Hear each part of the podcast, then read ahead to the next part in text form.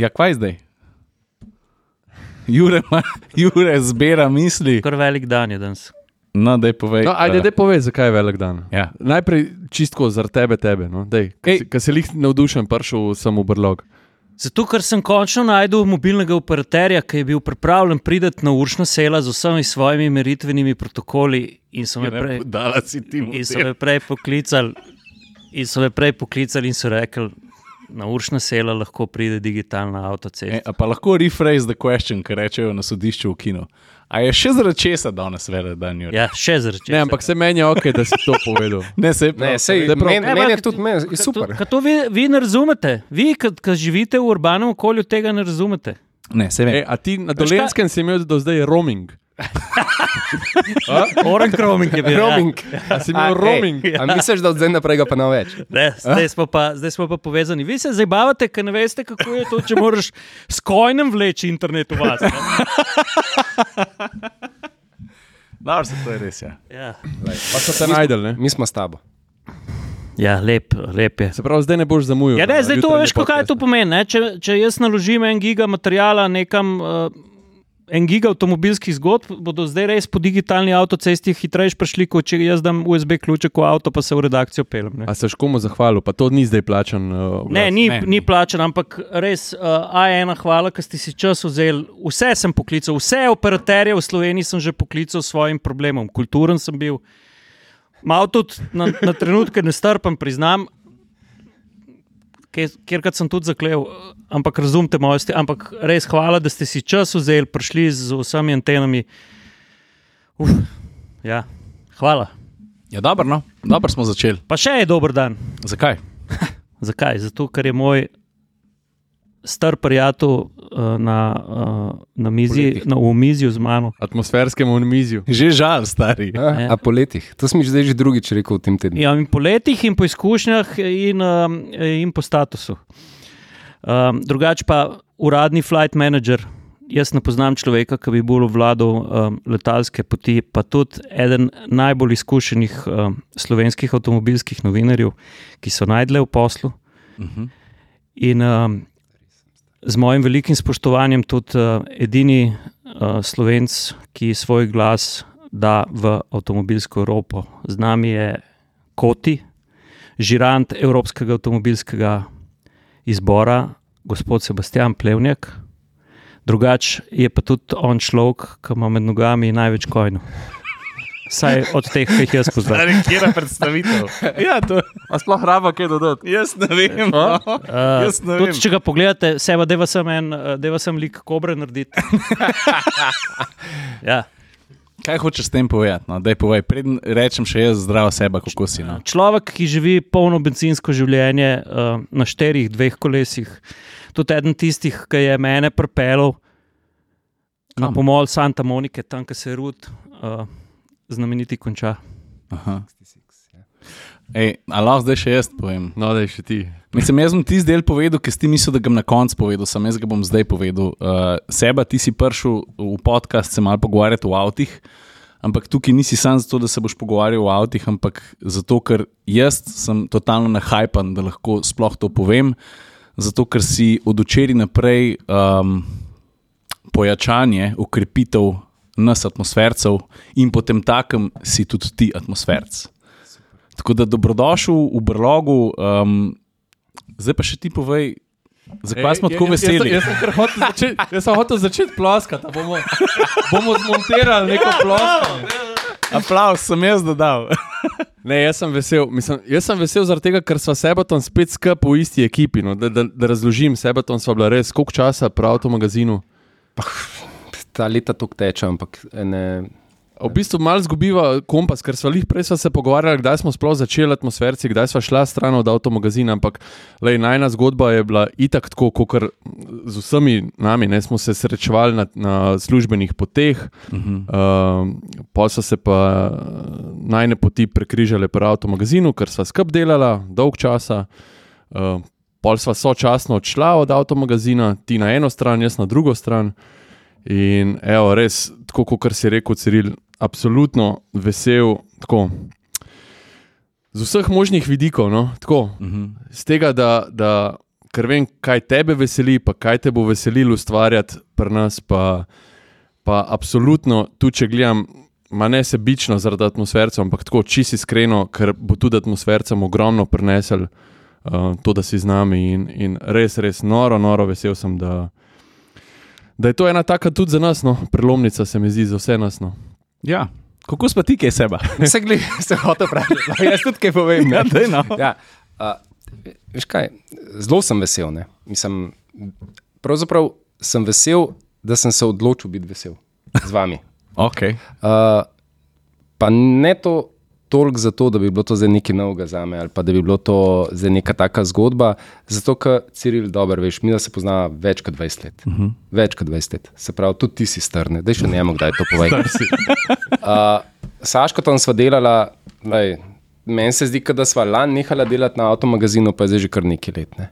In dej, to, da se mi ne spomnimo, kdaj smo skupaj delali ali pa kdaj nismo, je to razlog samo to, da se mi tudi vmes vidimo, da tudi vmes kdaj kaj rečemo Ja. in se pravzaprav že 20 let družimo. Uh -huh. Nas druži isti posel, ki nam je tudi hobi.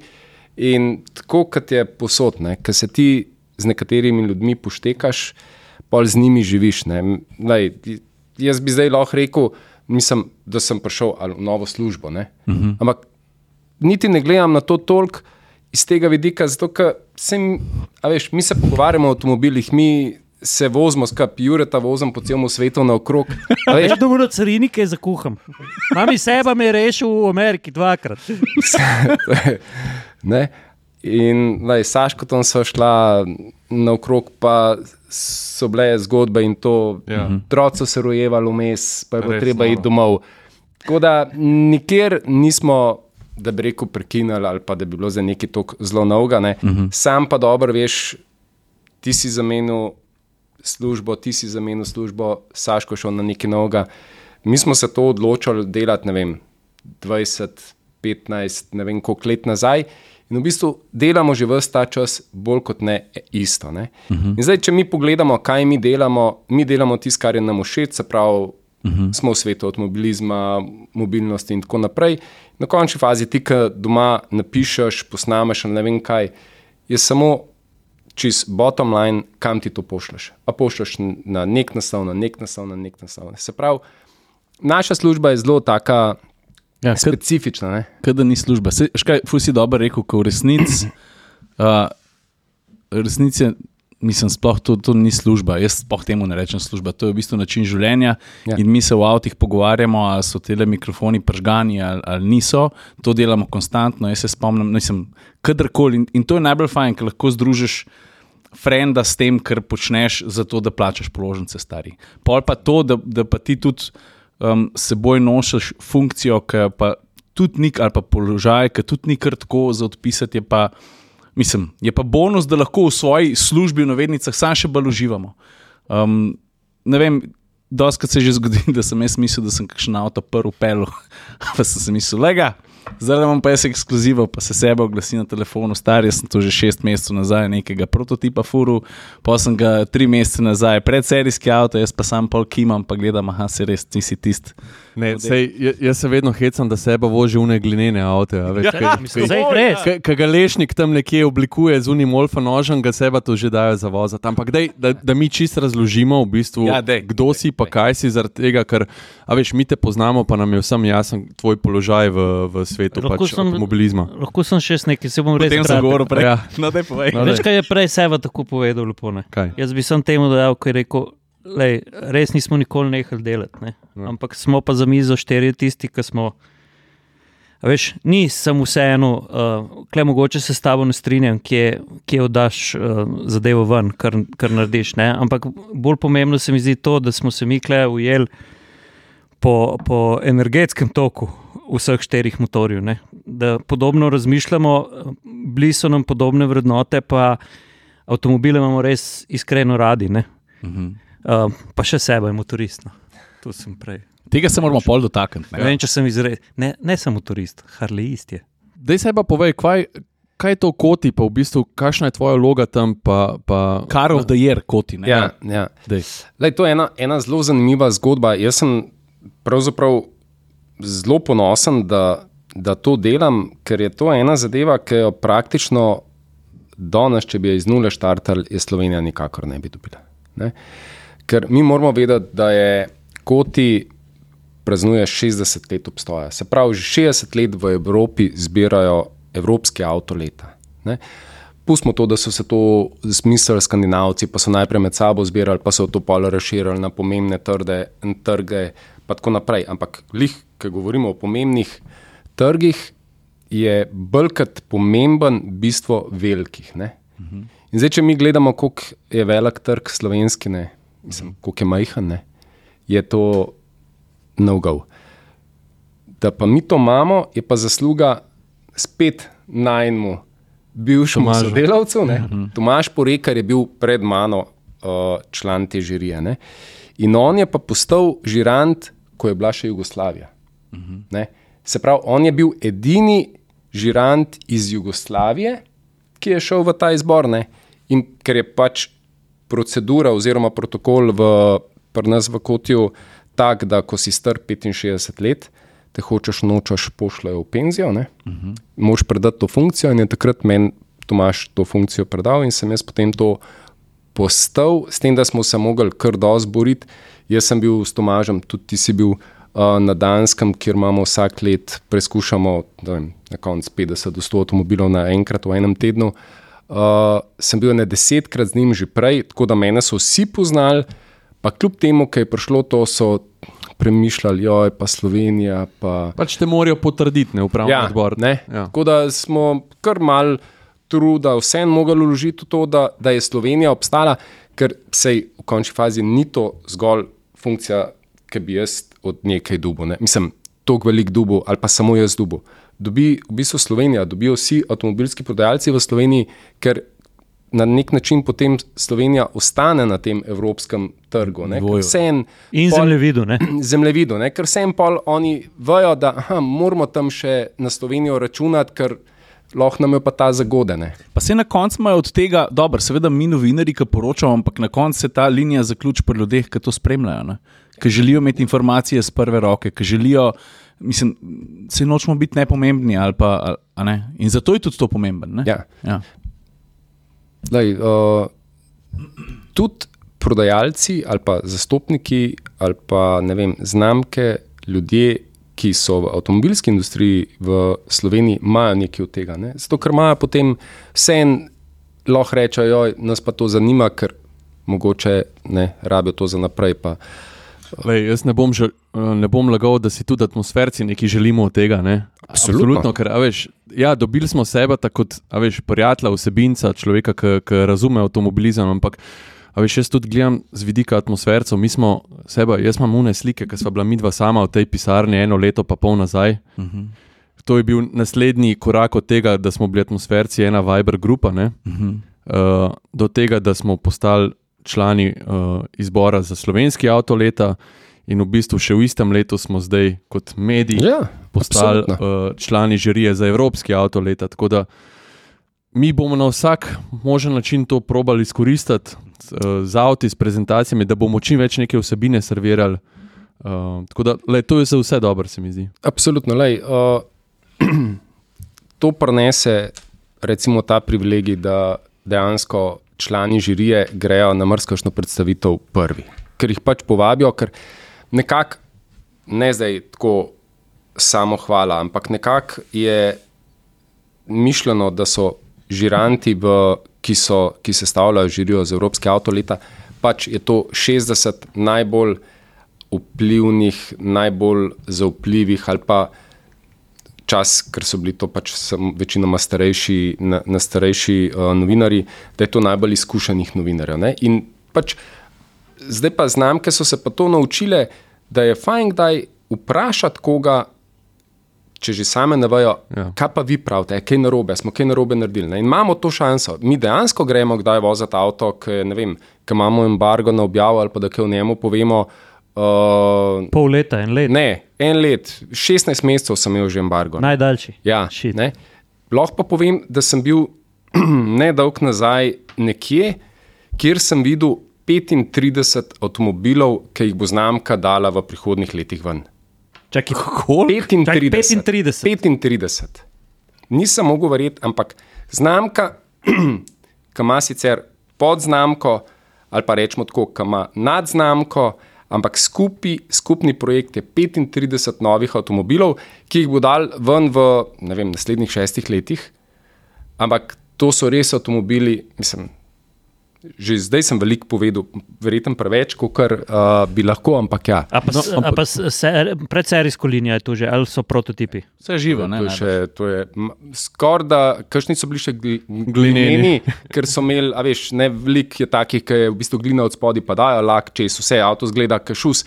Misliš, da je cel, pa pa hočeš vrata odpreti, pa vidiš, da je od spodaj na koleščkih od uh, trgovinskega vozička. Ne? No, vse meni se zdi prav, da si to izpostavil, ker v bistvu si na ta način tudi pove, povedal, da, da a veš, ta krem de la krem uh, avtomobilskih novinarjev ni pomemben samo nam, ne, ampak je tudi industriji, ker na, na nek način ste vi tisti prvi pokazatelj, v bistvu, ki pove njim, a veš. Ne vem, nekdo dvigne obrvi, pa, pa oni vprašajo, zakaj si sebe dvigne obrvi, a ti je všeč Ja, ali ti ja, ni ja, všeč, ja. ja, ja. kaj si misliš o tem. tako. Tud, tudi na ta način ste v bistvu nek bulletproof, v bistvu material za njih, da, da jim date tisto prvo mnenje. Ne? Škaj, mogoče se je včasih zdel, ne vem, še leta nazaj, ki te pol vseeno vpraša, kako se ti zdi avto ali pa kaj, a vam kaj ni všeč, pa to pa si misliš, pa si rečeš, kaj ti bom razlagal, vse, kar ste se odločili narediti, ste naredili. Ne? Ampak zdaj dejansko se je skozi ta leta pokazalo, da so nekatere stvari, ki nam niso bile všeč, ali pa tudi ne samo žirantom za Evropske avtoleta, tudi sej, da se razumemo, tudi drugi novinari pridejo pa iz celega sveta, pa sto ljudi, sto čudi. In kad ti vidiš, da nekaterim res ni neki všeč, ne, ki to rečejo in ki se to pol popravi, ki dejansko popravijo to v tovarni, potem vidiš, da ok, očitno nas upoštevajo. Ne. Sej znamke so se naučile, pa tudi še pred novinari vprašajo tudi uh, svoje kupce, Zaposlene, zaposlene, kakšno imajo mnenje, imajo kaj, kaj spremenili, pa tako naprej. Sploh Tako da- Japonci. Ne? ja, bolj bistvo je to, da, da se je obrnil trend, da poslušajo in da to popravijo. Ne? In tle pol vidiš, da, da je fajn to delati. ne. Zato, ker, ker dobiš neko potrditev, ki ti rečeš, ne vem, to mi pa res ni všeč, ne? in ki pol to popravijo, rečeš, wow, ne. Očitno res ni bilo dobro. Ne, ne. pa se tudi ta, veš, jaz, kot so se mi dva tudi doskrat pogovarjali na teh poteh, pa če seba mrske povedal, ko, ko smo sedeli na avionu, pa tako, veš, ampak jaz se spomnim čist konkretnih primerov, veš, naprimer pri kotih ste prvi začeli uh, planetno gonilo pri Toyoti, ne. In veš, posledica tega je pa, pa, pa pol tudi vsi ostali, kar si lepo povedal. Se tudi vsi ostali novinari, ki imamo priliko govoriti na mednarodnih predstavitvah, um, avtomobilu z inženirji, zato je tako pomembno, so priznali. Ne? Eh, Še se spomnim, eh, jaz se spe, spomnim sebe, to enkrat so bila, mislim, da smo bili na Priusu Plus v, na Dunaju, uh, ki je sebe se pogovarjal z Japoncem, pa mi je rekel, je rekel pa zakaj? Zakaj bi se jaz mogel kot evropejc, ki smo iz stare celine, to, to mi je ved, zavedno stalo. Takrat sem bil še relativno uh, zelen novinar in sem sebe tako gledal in je, in je povedal eh, Japoncu, ja, ampak zakaj? zakaj mislite, da bi se jaz mogel prilagoditi temu vašemu menjalniku pa, pa, va, pa vašemu avtomobilu? Mi v Evropi pač smo zahtevni vozniki. Zakaj je to težko razumeti? In Le kaj se je zgodilo? Danes Prius ko- Costa, danes ima tretji elektromotor, not, novo, novo oljno črpalko, pač avto dela bistveno drugače kot delo. In v No. Pač še, večja, še večji napredek, ne samo zaradi tega pogovora, ampak zaradi takih pogovorov je to, da so recimo in Korejci in Japonci, tako kot si rekel, začeli delati avto za Evropo v Evropi. Ne? Uh -huh. Ne? Mi ne moremo primerjati, ne? sej veliko ljudi hodi po svetu, pa se voz po svetu. Ne? Evropa je specifičen trg, Evropa je specifična po svoji sestavi, po cestah, mestih in tako naprej. Mi, da se razumemo, v Sloveniji nimamo mesta, vele mesta. Ne? Mi ne vemo, kaj je to popodanska gneča, ki se eno uro čaka, da se sploh kam premakneš. Ne? Imaš pa na drugi strani Ameriko, ki imajo ceste, ki zjutraj začneš voziti, pa zvečer nehaš, pa vmes tri ljudi vidiš. Pa imaš pa kakšno Japonsko, ki je pa taka gneča, da dejansko, če zdaj pomislim, uh, zakaj imajo oni take menjalnike, je logičen. Ne? Ker na japonskem, tisti gneči, dnevni gneči, vsakodnevni, ker tam ni, tudi če je sobota, nedela, bo gneča ista. In tam karkoli drugega imeti, kot res enostaven, preprost, samodejni menjalnik, ne bi imel smisla. Ne? Ampak tudi, če se ne pelejo več kot 60, 80, 100, uh -huh. zakaj bi rabili? Ne? Ampak pri nas se pa mi vsi pač malo več vozimo. Ne? Ja. E, lahko je vseeno dodatno zdaj. le. Kaj da smo v podkastu? Ja, je lej, vprašaj. Ej, sebi, kaj je un, um, od vseh kotij poti, na katerih si bil sem ti? Uh, kjer avto imaš najbolj v spominu, oziroma kjer predserijski izdelek imaš najbolj v spominu? A vržeš, a vržeš Zdaj glava? le on je šel čez un svoj Rolex eh, 780 tisoč Ne, avtov. ne, ne zelo, Imaš? ja, zelo enostavno je. Uh, zelo mogoče pragmatično, pa klišejsko, ampak uh, ena najboljših predstavitev, ki se je zgodila, na kateri sem bil, ker smo bili res uh, samo uh, koti povabljeni, je bila v Los Angelesu in sicer nas je povabil Ford, da smo vozili res predserijskega električnega Mustanga. Uh, s- to se je zgodilo dve leti potem, ko smo mi, ampak v taki strogi tajnosti, da so bili varnostniki, pa ne vem kaj vse naokrog, uh, imamo, da, ne, da nam niso oči zavezali, ker smo šli pogledat Mustanga v nastajanju. Se pravi, jaz sem ga videl že ne šest let nazaj, tega Mustanga. Takrat še ni-. Mahe. Sploh še niso vedeli, da bo Mustang, kako mu bo ime, gor dol. Ampak iz, iz tiste predstavitve smo pa dubali naslednji dan en bombonček in, Shelby, ja vem. Daj smo, povej. in smo vozili uh, Mustanga, Shelby, Cobra. No, tako da to je edina kobra, razen te šalice. kako sem zadev, Ja, to je edina kobra, ki bi brez razmisleka jo imel, spal v njej, jo res glancu. Ne. To je avto, to je avto ki ima zdaj. Res sem že strn, kot je ure prav, ne, ampak mislim, da ima 700, 770 konj. Uh, takrat, ko sem jaz bil v Ameriki, je ta avto v Ameriki stal 72 tisoč dolarjev. To je, mislim, to je stari. pregrešno mal za to, kar ta avto puna. Vam bom pokazal, pa mogoče ga bomo kdaj pokazali, en video, ki smo se pelali. Uh, no, in pelali smo se pa s tem avtom na uh, Silver Crest Highway. To se lahko tudi na YouTubu se najde to cesto. Ti si To, bil sprašen tam, ne? Ne, jaz sem bil na uh, Angeles Crest Highway, ampak to je, to je zaledje. Vse to je, ja, to je, To je, so krasne to je, ceste, To, je v bistvu, to je cesta, ki gre iz Pasadene, se dvigne v hribe, uh, se dvigne na, na višino nekih 2000 uh, nadmorske in tam je bil tudi pravzaprav tam prvo smučišče v Ameriki, uradno leta, leta nazaj so tam naredili.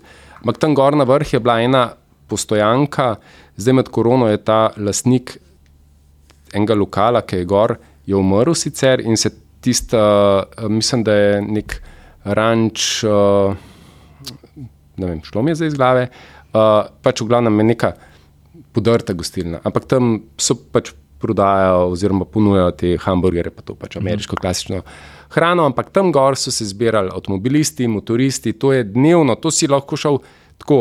Če bi šli mi štirje tja, bi se usedali, pa bi samo Materialno, gledali. kakor hočeš. Ja, ker to, to, To je samo, bencinski nabrezje. samo brenči gor, dol, gor. Dol. No, in mi smo se tja gor odpravili, mi smo se tja gor odpravili z Shelbyjem. Shelbyjem, ampak ne z enim. Uh, bilo je gor tako okrog 50 Mustangov.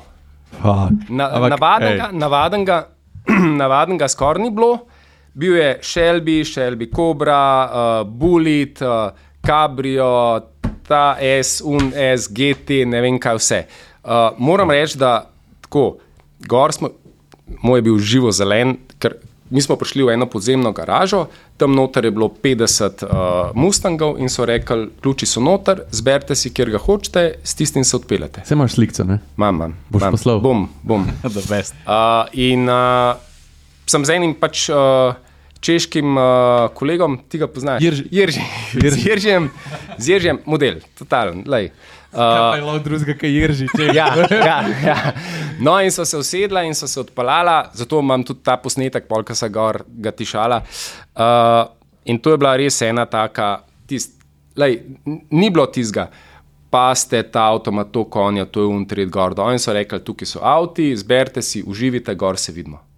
Sploh, nisem Ampak kjer je model, ja, veš, dajo mu unga električnega mustanga, ne, mal povej, kaj si misliš. Pa pa tako, evo, kaj si pa zaključil, na tle le imaš pa zdaj. No, in to je bila res ena, ena, ena, izmed, ena izmed najlepših predstavitev, ker je bila res tako na free. No, pa smo šli še na basket, v LA, pa tako naprej. Tako da res tako je bilo kulno, ampak ta vožnja, mislim, ta, jaz sem jo pol prevozil tudi z motorjem, sem šel pa gliko fajn. Uh, je pa to, da je res tako dobra cesta, priča pa to, da uh, tisti, ki so res prdnarijo, ki pridejo v LA, pa si sposodijo te hude avte, imajo vodene ture na to cesto.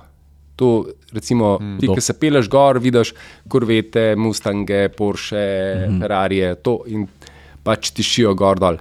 Načeloma je to uh, pač en pas gor, en pas dol, ampak ima na vsake par mil imaš odstavne točke, niše, niše kjer se pač počasni umaknejo tem ta hitrim.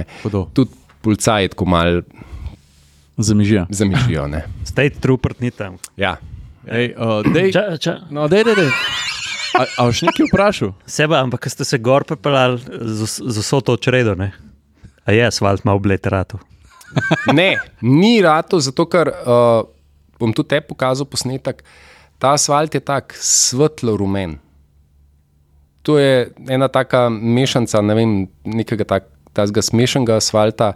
Uh, ni, Ampak ima grip. Ima grip, pa ima, ker je to, je to gume na njem. To, uh, po mojem, mislim, vsaj jaz zagotovo nisem videl še ceste, ki bi imela več uh, donatov narisanih uh, na vsakem malce večjem To odseku. si tudi ti narisal, še enega zihar tam. A, ne bom niti potrdil, niti zanikal. ne, no, jaz sem pa, ja, jaz sem še polno Angelus, eh, Ange, Angelus, Angeles Crest. Crest Highway. Ja. Jaz sem šel pa tam gor in tam je tudi podoben sistem. Na vsake par kilometrov je neko, nek plac, kamor se lahko umakneš, snemaš, fotografiraš, mm, kjer ljudje mm. hengajo, na koncu je pa tam ena res velika plata, gor z sanskim razgledom, gledaš zahod dol, tam lahko avto pofotkaš, kot sem tudi ga, Ja, ja, ja. ja. pa snemaš to. In to so krasne ceste, tudi tam je tako podobna cesta, ki uprijema kar ne zmanjka. Um, in ljudje se hodijo tja za užitek. Ja, ja. Ja. Lahko pa kot zanimivo sam povem, da če pa nadaljuješ po tej cesti, sej Silver Angel, vse je Ja. ja. isti konc, ampak če greš v te hribe, pa greš pol mal naprej, v hribe noter, prideš pa v bistvu v Twin Peaks. A resno? Ja, prav v Twin Peaks, unta prav iz tistih filmov, iz nadaljevanke, ki smo ga mi gledali. Ja, to sem šel z motorjem in ki prideva tja. Uh, najprej nisem sploh vedel, sem rekel, kaj je to za en, pa so se ustavila in so tako mal. Ja, to je prav tista prav Twin Peaks. Nisem vedel. Ja, ja. Boš kaj vprašal? Ne, zdaj lahko ti. Lahko.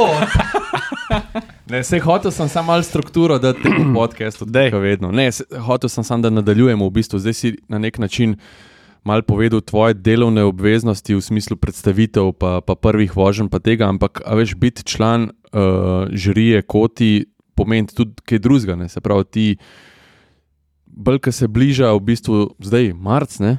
Drug teden. drug teden je že. Ja. Spet v Ženevo. A?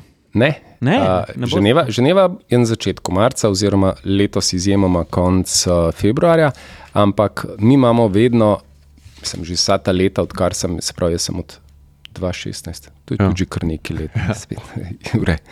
Ne? Uh, od 2016 imamo večinoma časa, smo imeli izbor oziroma testiranje sedmih finalistov za Evropske avto leta v Parizu, Montefortin, to je ena zaprta tesna proga. In tam preizkusimo vse finaliste, še preden glasujemo, preden zberemo svojega favorita. In, tako da zdaj, in to je vedno je to okrog 13. 14. februar, uh -huh. tako da takrat manj kol ni doma.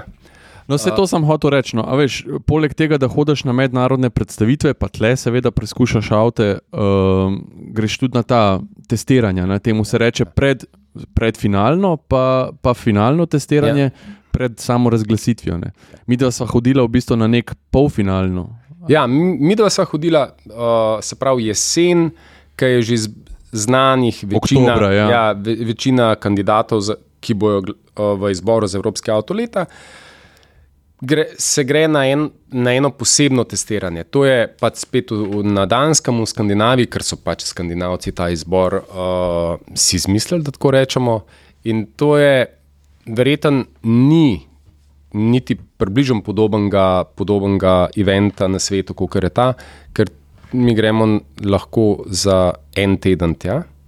In tam je recimo, če je vem, 30-40 avtomobilov v, na seznamu za Evropski avto leta, uh, za lažjo predstavo, zdaj so sicer veliko električnih, ampak uh, recimo včasih je bil benzinski, električen, pa je bila še kakšna posebna različica, se pravi, od vsakega avtomobila so vsaj trije avti tam, kar pomeni, da je tam približen od 50, 60 do 100 avtomobilov. Máš ti. Sam še malo da urišem. To je se pravi skrajni sever Saša je Danske. bil. Ja. To je skrajni sever Danske, to je eno malo mesto, ki se imenuje Skagen. Ja, Ne, Skagen je, Skagen je še Skagen više, je tlele v bistvu. Tanis. Tanis, pardon, sem se malo Tanis, zamešal. ja. Tanis je ena vas. Ampak res je sel. To je vas z enim, je z selo. enim takim malim počitniškim hotelčkom. In tam not v tem hotelčku se nastani pač To boš pa ti poiskal, to boš pa ti poiskal, kakšno sliko pa Bom, bomo pokazali. Peščica novinarjev, pa kakšno spremstvo. Ne? In cela industrija prepele tja avte. Se pravi, finaliste, polfinaliste, tam noč se znajde, v tisti vasici se znajde gora avtomobilov, ki so na voljo za voziti, za ustvarjati vsebino, za naresi vtise, kakorkoli. Spra- Skratka, a si predstavljate to svobodo, prijete 100 avtov in ključi so tako obešeni na eni uh, Tabli. tabli. In enostavno vzameš avto, greš se voziti, ustvarjati. Plus, nazaj, kar je fajn, zamenjaš- Plus, kar je fajn, je to, da je to je skrajni sever Danske, tam ni žive duše. Pač lokalci so, ceste so prazne, super, krasne ceste. Plus to, da imaš ogromne plaže, po katerih se lahko voziš z avti. Ampak ne, ne tako, uno, pogledaš levo, desno, ni nobenega, grem na plažo. Ne, tam se lahko po ogromnih peščenih plažah se voziš, Tam je zakonsko dovoljeno. zakonsko je dovoljeno peljati? se peljati po plaži. ne. Uh, no, in zdaj, če bi Saško to vprašal, recimo, on, on je kar na parka šel z mano, tudi na te poti, pa še prej, ne, ki je bil še Tomaš, pa tako naprej. Ampak recimo, če bi Saško to vprašal, kaj mu je ostalo v spominu, uh, sem prepričan, da bi rekel, da je to bil en rdeč avto brez strehe. Ja, res je. To, to jaz raz izpostavim tako. A veš, ki si zapečeš eno vožnjo v glavo, Ja. vsi, vsi te avti, ki smo jih vozili, pa tega je res ogromen. Ja. Ampak eno tako vožnjo imam v glavi, ki sem si rekel, to pa nam pozabil tako do To konca imam pa life. tudi jaz posneto. Ja. Kaj pa je bilo Uh, to? Stari le komu oči žarijo, kot da bi ga v Heli Ja. naredili, ne v Sarajevu. Ne? In? Je bil pa Jeep. Uh, Wrangler. Wrangler, A. navaden Wrangler, Na plaži. uh, ne. streho sva dala dol. Zebel na, mislim, ni na jo zebel, mraz je bil, ampak zebel na jo ni. Ja. Pač, in sva šla se voziti po plaži, po lužah, po, Po morju. po morju. Zdaj lahko povejate, ker ni zasmela. Do konca sva dala na glas Red Hot Chili Peppers, vsak v svojem džipu in sva pičila O, oh, gor, no, dol po plaži. Tako, ampak to imaš 30 km Ja, gor, tako 30 da ne bo zdaj kdo mislil, da se malo po plaži gor pa dol vozila, pelala so se, mislim, da eno uro po plaži v eno smer, pa so šla, pa, ker so prišla že res skoraj do, do, do severa, sam še v Rusijo bi To je ono, zaplala. tako, nobenega ne Ja. srečaš, v eni, Tako, tako, eno uro se voziš po plaži, nobenega ne srečaš, Hudo, luže so vmes, morje, zapeleš v morje, ven iz morja, tako pač nora vožnja, tako prav uživala smo. No. Sem, bom prelimo kakšno sliko, pa posnetke, pa drone, pa vse so. Se pa, se veš, da sem jaz eh, lokal patriot. In Kad bi ti svoje kolege prepričal, če bi namesto tega skagna, sem enkrat v življenju to naprimer naredil na lazih. No. Ja, Ali pa v Rožnem dolu. Lej, ja, lej, tudi mi smo že prosili ali pa vprašali ali pa izpostavili ta problem tega konca. Zato, ker to je res na severu Danske. Uh, jaz vedno rečem, da to je tam na koncu Danske, pa še malo naprej. In uh, do tja je ful težko prijeti. Mislim, težko. Oni imajo eno letališče, oziroma najbližje letališče, ki mi lahko tja preletimo, je eno uro uddaljeno pol še vožnje od tega našega počitniškega hotela. No, ampak problem je vso logistiko tja Ja, pripeljati, ja. ne, vse avte pa to. Ne, in zdaj je tako. Ne. Tle si pač uh, skandinavci ne pustijo tega vzeti, zato ker so se oni to spomnili in oni to organizirajo. Uh, res je, da se tle v tem počitniškem domu to odvija že, mislim, da 22 let. Ne. Tako da si lahko predstavljate, s to avto parpelat na nekam, da veš, da bo vse funkcioniralo, da, bo, da ljudje ne bojo skakali okrog avtomobilov, da bo vse tako, kot je treba, uh, ni majhen zalogaj in tam to štima. In z tega vidika res nima smisla to premikati. Uh, bolj kot to je pa to, da pač dejansko je tam en človek, ki zdaj sicer je šel že uh, v pokoj, ki je bil od vsega začetka, se pravi od leta 60, prisoten. In to je uh, en bivši, bivši vojak, on je bil vojak, potem je postal uh, avtomobilski novinar. In uh, ta gospod je zdaj star že hm, 92 in je letos prišel na spet pogledat, uh, in je res tako ta tamata. No, in, On, on ki se znajde na večerji, ne, Ja. do cela dvorana ostane in začne ploskati. Ja. Tako, pač, tako. A, res? Prišel je to ta, tata, je prišel. Rogers, Rogers ja, je en poseben lik. No, lej, uh, on je letos je rekel, malo težje hodim, pa malo težje sedim, ampak z avtom se pa kar lepo pelem.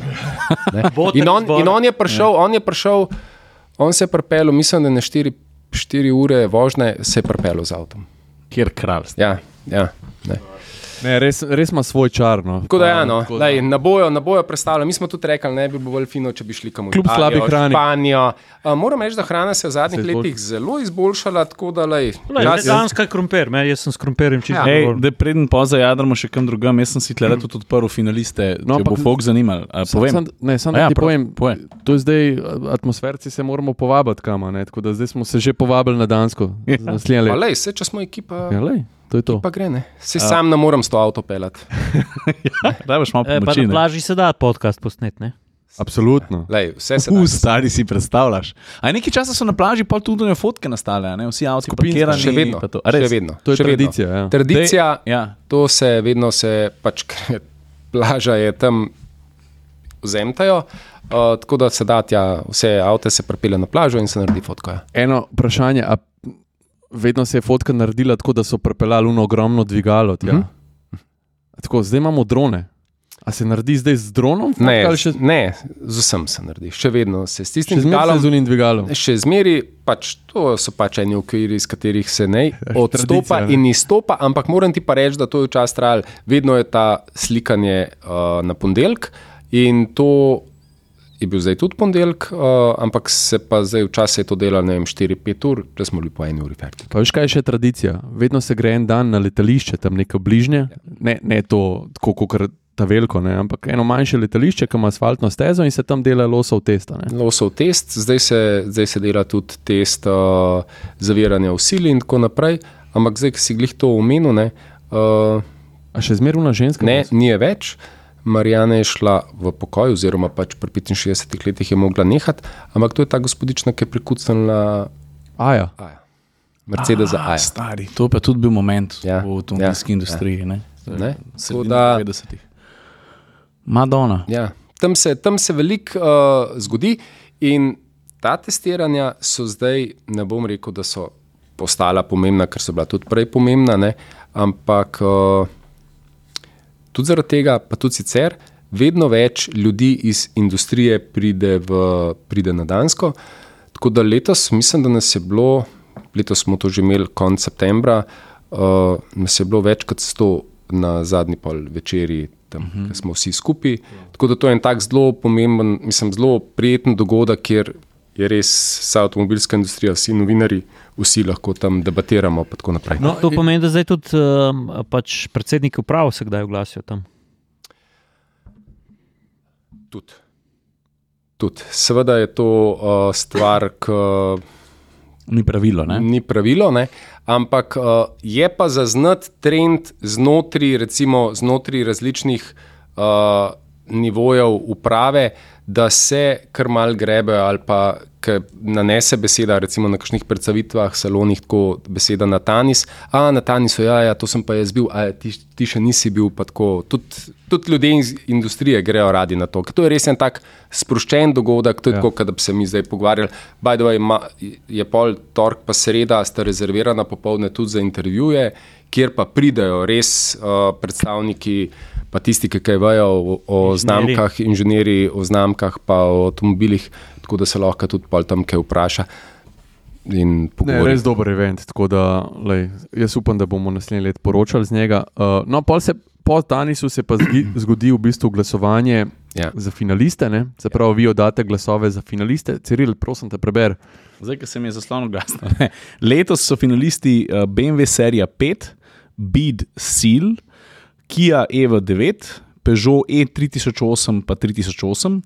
Um, Renault Scenic, Toyota CHR, pa Volvo EX30. To se pravi, velikega štroma vidim tukaj zraven, se mi zdi razumno, glede na čas, v katerem živimo. Pa tudi kar nekaj klasike. No? Uh, Ja, tako. kar neki dva. Ne? Ja, mislim, Toyota CHR, ne? Pa dobro, Renault Scenic, to je Toyota CHR. je Renault se nekaj je- popolnoma je- Ja, se res. Ja. Pa BMW da 5, ne? BMW 5, BMW 5, pa Peugeot, ampak ko bo, pa, pa CHR. Ja.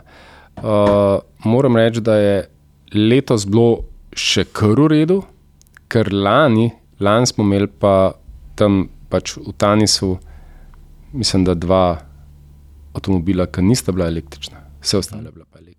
E, ampak je to problem na fila, to prav tako logistično vprašanje, glede na to, da imaš ti tam toliko avtomobilov, tam. eh, O, ja, to sem tudi jaz vprašal, zato ker uh, ne, vemo, da večji je električen avto, večjo ima baterijo, več energije potrebuje, da jo napolniš. Uh -huh. In zdaj, če mi rečemo, da je to res neko selo, ne, uh, pa kako bojo zdaj to polnili, uh, so se letos zelo izkazali. Uh, imeli smo že tudi vodikovo polnilnico gor. Uh -huh. Mislim, vodikovo, Mobilno, ki je ja. mobilno, ki je pač delala na vodik in potem smo lahko polnili električne avtomobile. Uh, letos so, mislim, da smo imeli ne deset hitrih polnilnic tam, tako da to, to se poskrbi. Uh, trend, trend gre pač vsaj za enkrat ali pa trenutno v to smer, hočemo, nočemo. Uh, Zatle imajo pa zahodne države, pa skandinavci, kar dosta vpliva na to, predvidevam. ne? Ja, lej, mislim, naj, najlažji, najlažji je razložiti dejstvo. Vsi rečejo, ne vem, na Norveškem je pa Tesla najbolj prodajen avto, ali pa ne vem, na Norveškem mm. ali pa v Skandinaviji, pa vsi kupujejo uh, električne avtomobile, ne, kaj je z njimi narobe. Tako pač mi Slovenci razmišljamo, pa rečemo. ne. Uh, najbolj enostaven odgovor je pa čista logika. Ne. Mi moramo vedeti, da recimo mi imamo davka 22 posto, plačamo še ne vem, cestnino pontrit gor dol in kupimo avto. Na Danskem recimo imajo 110 posto davka. ja, imajo 110 samo davka, potem imajo pa še ostale dajatve, pa te cestnine, pa tako naprej. Tako da dejansko se lahko plača tudi 150 ali več procentov davka. Se pravi, ti kupiš en avto zase, enega pa za državo, ali pa enega pa pol, ali pa še malo več. ne. Uh, pa kupiš električno avto, pa tega ni. Zdaj pa če ne, ali plačaš 50 tisoč avto, pa si kupiš eno veliko Teslo ali pa kjerkoli velik električen avto, ali pa daš 150 tisoč evrov, ne, pa si kupiš manjši avto, sem da je pač navaden To je to noro. ki je pa, ki pa glitko stane 2 evra liter ali več. Uh -huh. Recimo, pa je pa še ena stvar uh, v Kopenhagnu. Uh, parkiranje električnega avtomobila je brezplačno. Poprečna, poprečna, cena, poprečna cena parkiranja v parkirni hiši je 5 evrov. Se pravi, 8 ur krat 5, uh -huh. tok, če si v službi cel mesec, samo s parkirnino si ti lahko kupaš nov električen avto. Ne? Ja, stari. Ja, Ne, in to je, to je tisti tist razlog, ki mi zdaj rečemo. Jo, ne. Poleg tega je pa en zelo velik faktor, je pa tudi vozniška kultura. Vsi mi smo se že vozili po uh -huh. finski, švedski, ne, pa vsi vemo, koliko se pelamo po avtocesti tam. Ne. Ne. Tam ni. Ni, Ni. Ni, ni, Ni ono, da en pade mimo tebe, pa zdaj ga bom pa jaz ujel, pa ne boš. Ne boš. Ne. Ne, žal, mislim, žal. Ne bom rekel, žal, vse imajo, imajo uh, veliko teh dirkališč, divjih dirkališč, uh, imajo jezera, uh, ki so po zim zaledenela, pa izživijo te svoje, uh, to svojo strast do hitre vožnje ali pa ne vem kaj. Ne. Ampak lej, po cesti v prometu se vozijo strpno uh, in to je, to je ni lepšega. Umirjena vožnja za električen avto. Ne. Ej, pa da mi pove, a se pol naredita znotraj kotja tako malo dva klana, v bistvu tako zahodna Evropa, vzhodna Evropa, pa, pa eni malo bolj uh, favorizirajo električne avte, drugi malo bolj klasično gnane. Ja. Se. Ja. Ni, ni, ni, mislim, logično je to. Ja. Logično, logično logično tudi vsak avto ima svoj X-faktor. Ne moramo, ne moramo mi zdaj. Jaz sem, ko sem jaz začel to delati, uh, me recimo malo kdaj presenetili, pa smo mogoče celo ostali, ki še nismo bili tako navdušeni za, za elektriko, uh, malo po stran gledali tiste, ki so absolutno favorizirali električne avtomobile. pa to. Ampak logično je. ne. Mislim, kdo od nas bi bil pripravljen trikrat več plačati za nekaj, kar niti ni nujno, da bo ali boljši, ali hitrejši, ali ne vem kaj. Ne.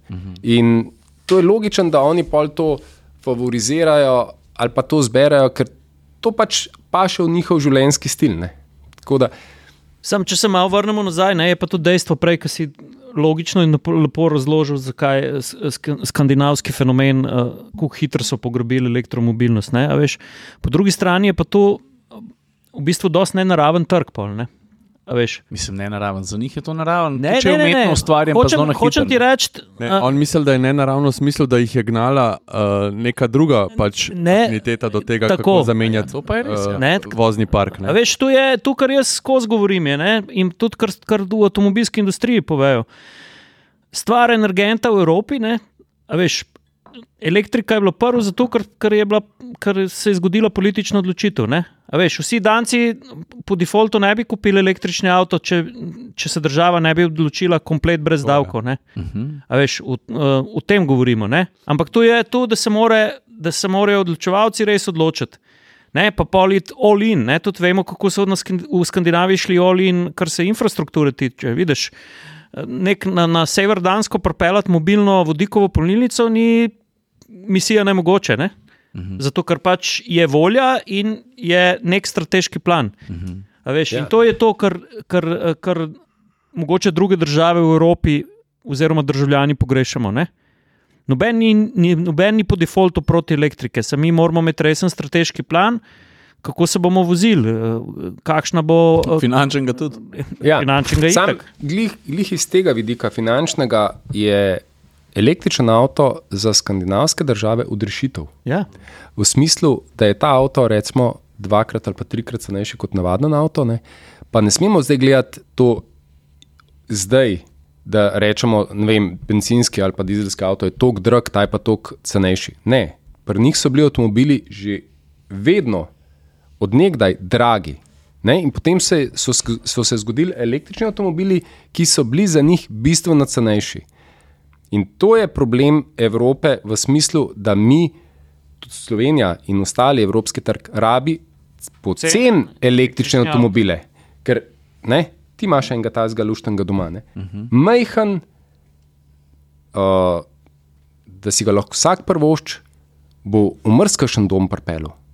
Avti, ki so pa zdaj dražji od poprečnega uh, slovenskega prvega avtomobila, pa nimajo, zaenkrat nimajo prihodnosti. No. Ne, tudi ne bojo. Ne. zanimivo je tudi enkrat, se po mojem smo bili tudi skupno na Danskem, mislim, da je bila predstavitev uh, trafika.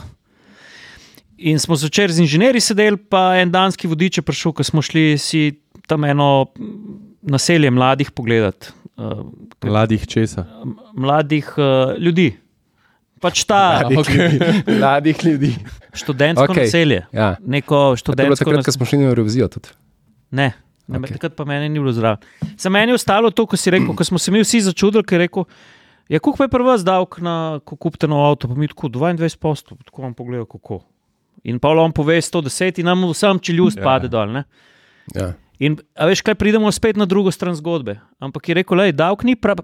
On, je, on nas je pogledal in rekel: Jaz ne vem, kaj se vi tako čutite, ampak davek ni problem plačati, če zaupaš državi. Mhm. A veš, Ja. Tudi politično-gospodarska kultura je. Ne? Oni nimajo tam težav z. Veš Kaj, vse oni se v končni fazi ne ukvarjajo s strukturo plačila. Ne? Ti za neki plačaš tok, znesek je tak, plačaš. Uh -huh. uh, zdaj, da je neto cena tok, pa davka tok, pa pol še nekih tak, tak stolk, vse to jih v končni fazi ne zanima. Ne? Ker so urejene te stvari, kot ti praviš. ne. Saj, če so vse stvari urejene, če vse štima, se pravi, ti veliko daš, ampak tudi veliko dobiš. Ne? Vse en mal Ne. boli, vse en mal boli, da Nas to boli, 10%. nas Mislim, boli, ja, ne. Ja. Njih tudi, no, če ne bi imeli boljši vozni. Jaz se spomnim, lej, se tega že. Ja, samo vem. imajo pa boljšo kakovost življenja. Vse ne. imajo, vse imajo, vse imajo. Sam ne mi reči, da te ne boli, da 110% uh, vrednosti avta pa tako malo Ja, država. jaz sem bil letos v Turčiji, lani na, na dopustu na Krompirjevih, pa so imeli tudi neke ekstremne cene avto. Ne? Tako Clio, Turčiji? Clio, Clio 60 jurjev, pa take fore, no, stari. To pa ne vem. Ja, Jaz se iste- spomnim samo, iste da sem na Danskem- stari. Pa to je 15 let nazaj, sem šel po, po Leo, sem šel kaj tam študirala in sem se zapeljal v Škodo Superb na Dansko. In sem, tako, avto so gledali, da je z Lune padel, tako pač nov Superb. Gledali so me kot drag dealerja. Tako, eh, Ja. Oni so imeli, oni so imeli eno, eno, no, eno balkansko foro, da tako rečem. Ne? A uno, uh, Ja, z, uh, zadnje šipe. Ja, ne, uh, En, ena. lahko, si se, lahko si se izognil plačilu davka, če si avto registriral kot službeno vozilo, ampak si mogel imeti, oziroma si lahko imel noter samo prednja dva sedeža, zadnji pa kovinsko mrežo. Mm. Ne, in to se je pol dogajalo, pa na, na bok je. Si mogel dati nalepko, kjer je bilo razvidna tonaža, pa nosilnost.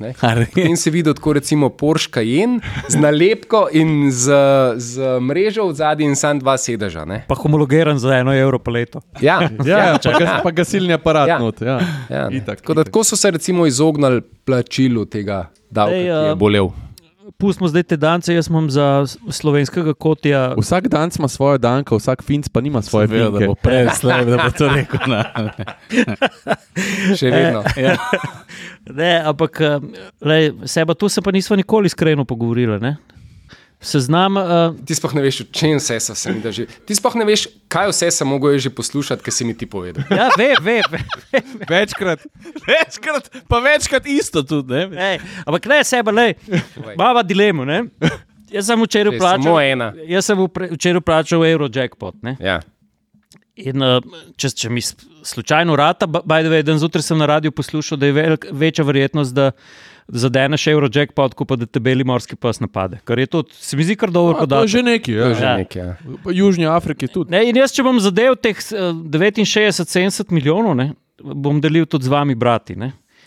A imaš, a smo, Dobro, da je posnet. to Ja. Ta, to, Lučka gori, lučka. Okay. Okay. itak, sej me boste mogli čuvati, se veš, kaj če na dolenskem zadeneš 70 milijonov. Roaming. roaming. Roaming sredstev. Hiter se roaminga reši. E, ja. No, hotel, sem, hotel sem vam reči, uh, oziroma te vprašati, uh, dej, kaj, kaj, a imaš seznam desetih avtov, Oh. uniko ne bi nič čakal. Jure, ti si tak en petletni, Ja. ja. desetletni otrok, vprašaj, stric, kjer avto je pa tebi najbolj To je všeč. pomembno. Se veš, da ne maramo teh vprašanj. Ja, Ja, stari. le, ampak- seba nek rus. Vsak teden je drug stari, Ampak je, meni se deset, se jih več Jaz jih deset najdu. No, daj. da je reč, Ne, stari. Pa pa te pet. dva, no, ok, dva To je pa še hujš. To je pa spet hujš. Pa ode pa enega. Lej, ne. Dej, dej, ja, ne, pa se zdaj pa že mene firbec smatra. No. Tako. Uh, več. Pa ni Ne, sej, nov. ne, ne, sej, Pa motorje Harley Davidson ne pusti. Dar, to še pridem. Primer. to, to nima veze. Uh, ne, jaz tako, če bi tako iskreno, ja, lej, da rečem, pa ne zdaj zato, ker uh, da bi preferiral znamko ali pa kaj. Uh, ti veš, Jure, še jaz sem te pelil dosti krat že v Ameriko. Jaz sem zelo velik v Ameriki, pa se vozim po Ameriki. Meni je ta način vožnje v Ameriki mi je kul. Cool.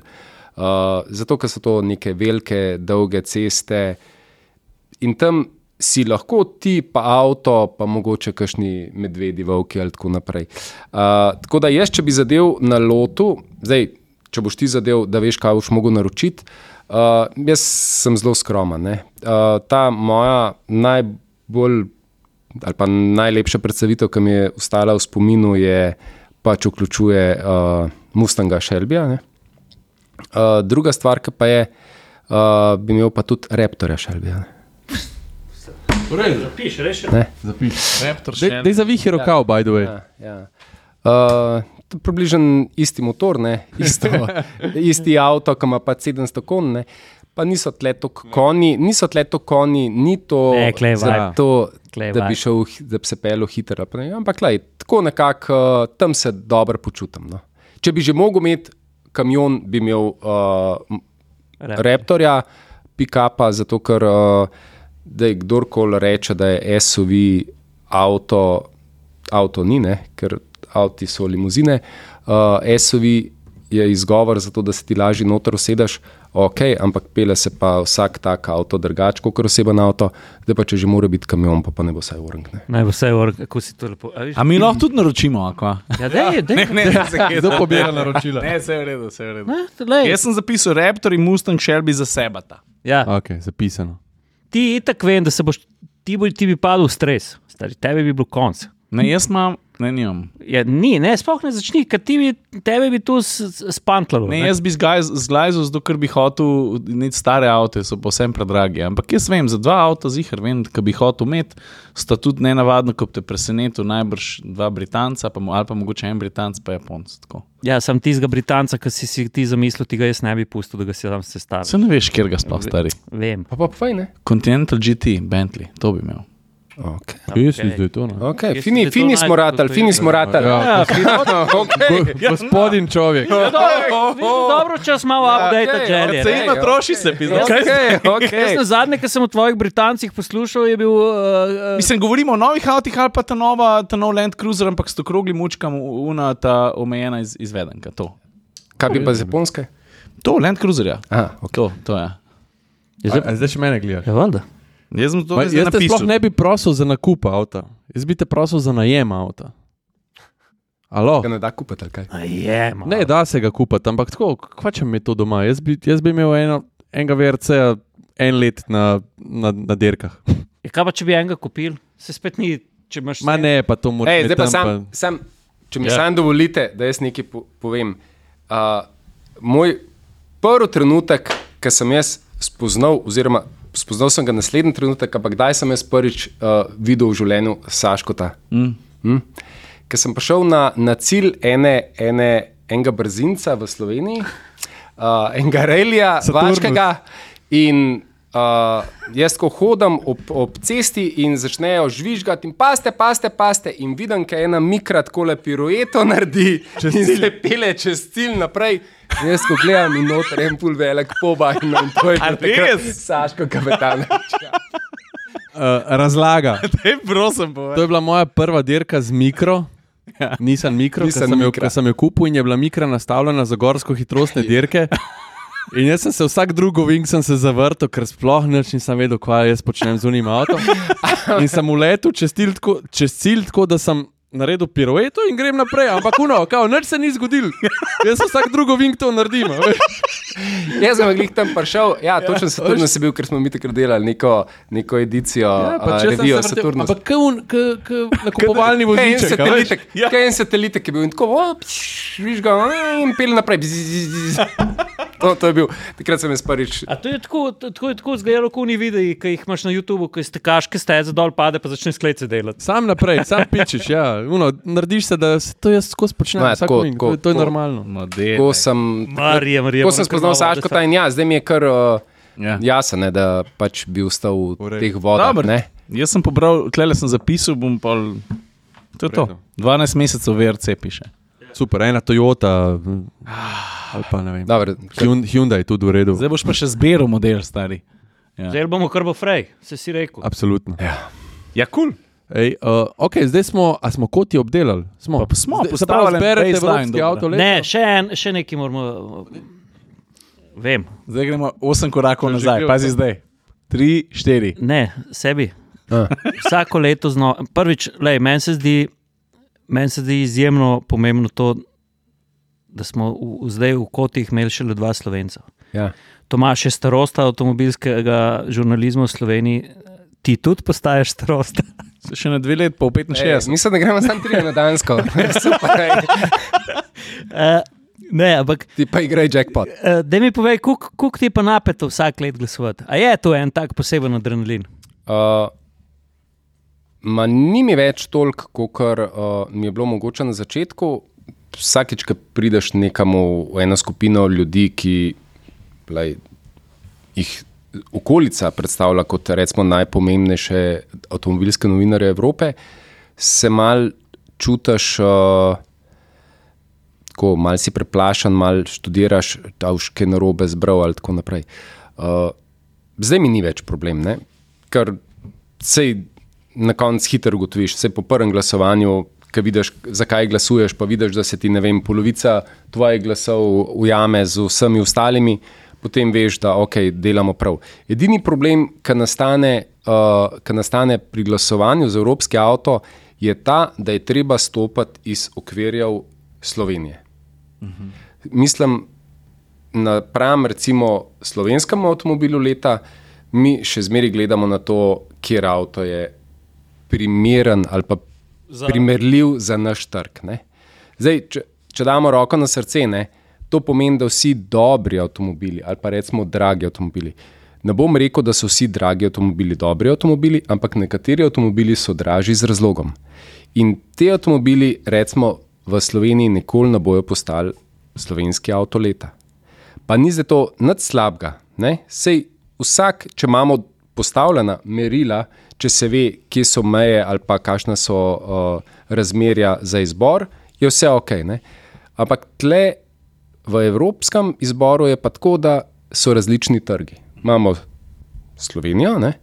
potem imamo pa recimo Nemčijo, Anglijo, Francijo, pa imamo na drugi strani ne vem, Poljsko, Češko, uh, Turčijo, Grčijo, ki pa lahko mirno rečemo, da jim gre, pa, ne da jim gre slabše, ampak imajo cene avtomobilov so precej više, imajo više davke, takse, untrit gor dol in izbirajo bolj, bomo rekli, cenejše avtomobile, ali pa ker se njim zdijo bolj primerni za uh, njihov trg. Ne?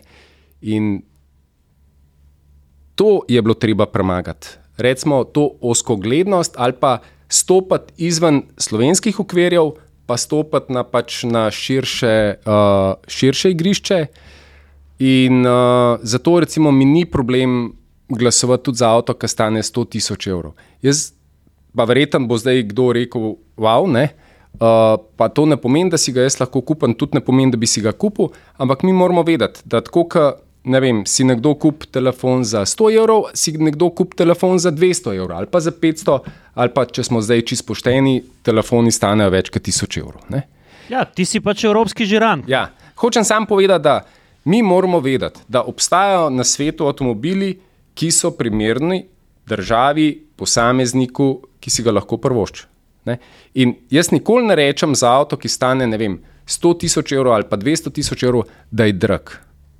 Tak avto ni drag, tak avto ni dosegljiv srednjemu razredu, tak avto si lahko privoščijo tisti, ki si ga lahko, ki imajo denar za njega. Ne?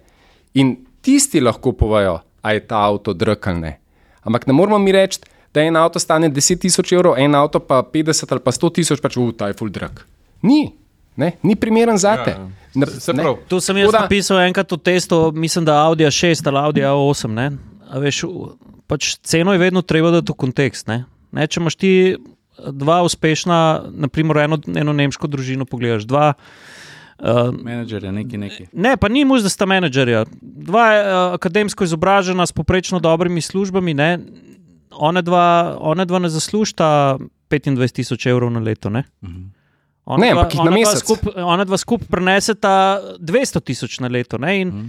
in jim A6 Avant, Quattro s 3-litrskim dizlom je. Lej, mi moramo pač vedeti, da to kfušije, ki je v Sloveniji, je pač ja. Ja. redko ki najdeš. Ne? In zdaj pogovarjati se o tem, kaj je drago, pa kaj ni, je relativno. Nekaj, sem jaz vedno rekel, to je, to je vedno tabu tema, ker veš, draga avto, to pa ni za izpostaviti, pa, ja. Pa kupujemo stanovanja z, s cashom. Ne? Ja, ne. Tako da, uh, če, zdaj, če se vrnem sam na to, ne, uh, to je bil moj največji problem, ki mi ga je bilo zdaj, ali reč, rečemo, da sem ga mogel usvojiti in ki sem ga usvojil, mi je bil ta zbor kar naenkrat lahk. Potem se vrneš in mi je tudi en kolega, ki je tudi, bajdovej, ga ti poznaš, rekel, lej, mi preprosto izbiramo tako, ti moš pogledati, kaj je te všeč, razmisliš seveda, kakšen, kakšna je vloga tega avtomobila vem, na tem trgu, na unem trgu, na tretjem trgu, ampak mi gledamo avtomobile. Mi nismo obremenjeni zdaj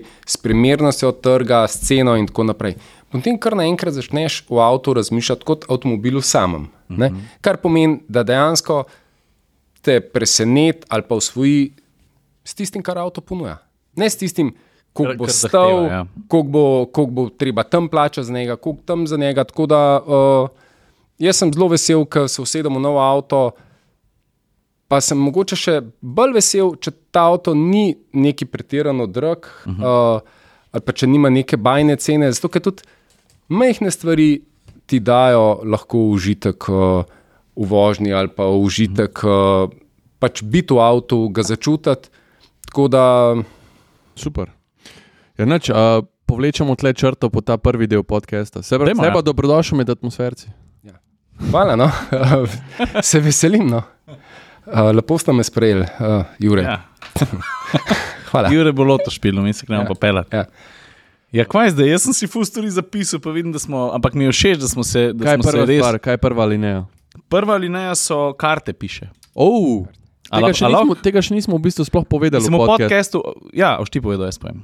Mislim, atmosferci imamo nove konje na mizo. No? Se to smo že malo po Instagramu razpihali, pa, pa se, se mi zdi, da se je že kar fajn paril.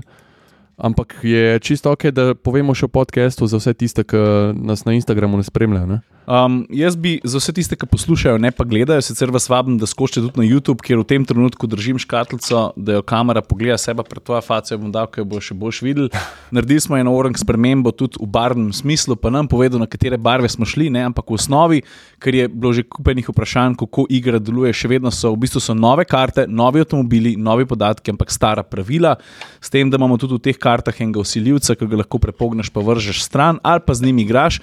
Škaj se mi je pa ful dobro zdel, mm. ogromen folka. Jaz mislim, ne vem, če so karte prve edicije, konje na, miza, na mizo enka, če so še na voljo. Nekaj jih je še, ja, zelo malo. Ne more jih biti veliko. Zato, ne, ker je šlo ogromen kart Ja. v prvih treh dneh in tisti, ki so lovili zadnji vlak za prvo edicijo, so kupili in prve in te druge. Zato, Ja. Ker je folku gotovo stari, da bojo hoteli imeti. Tudi trojko, pa šterko, če jih bomo naredili.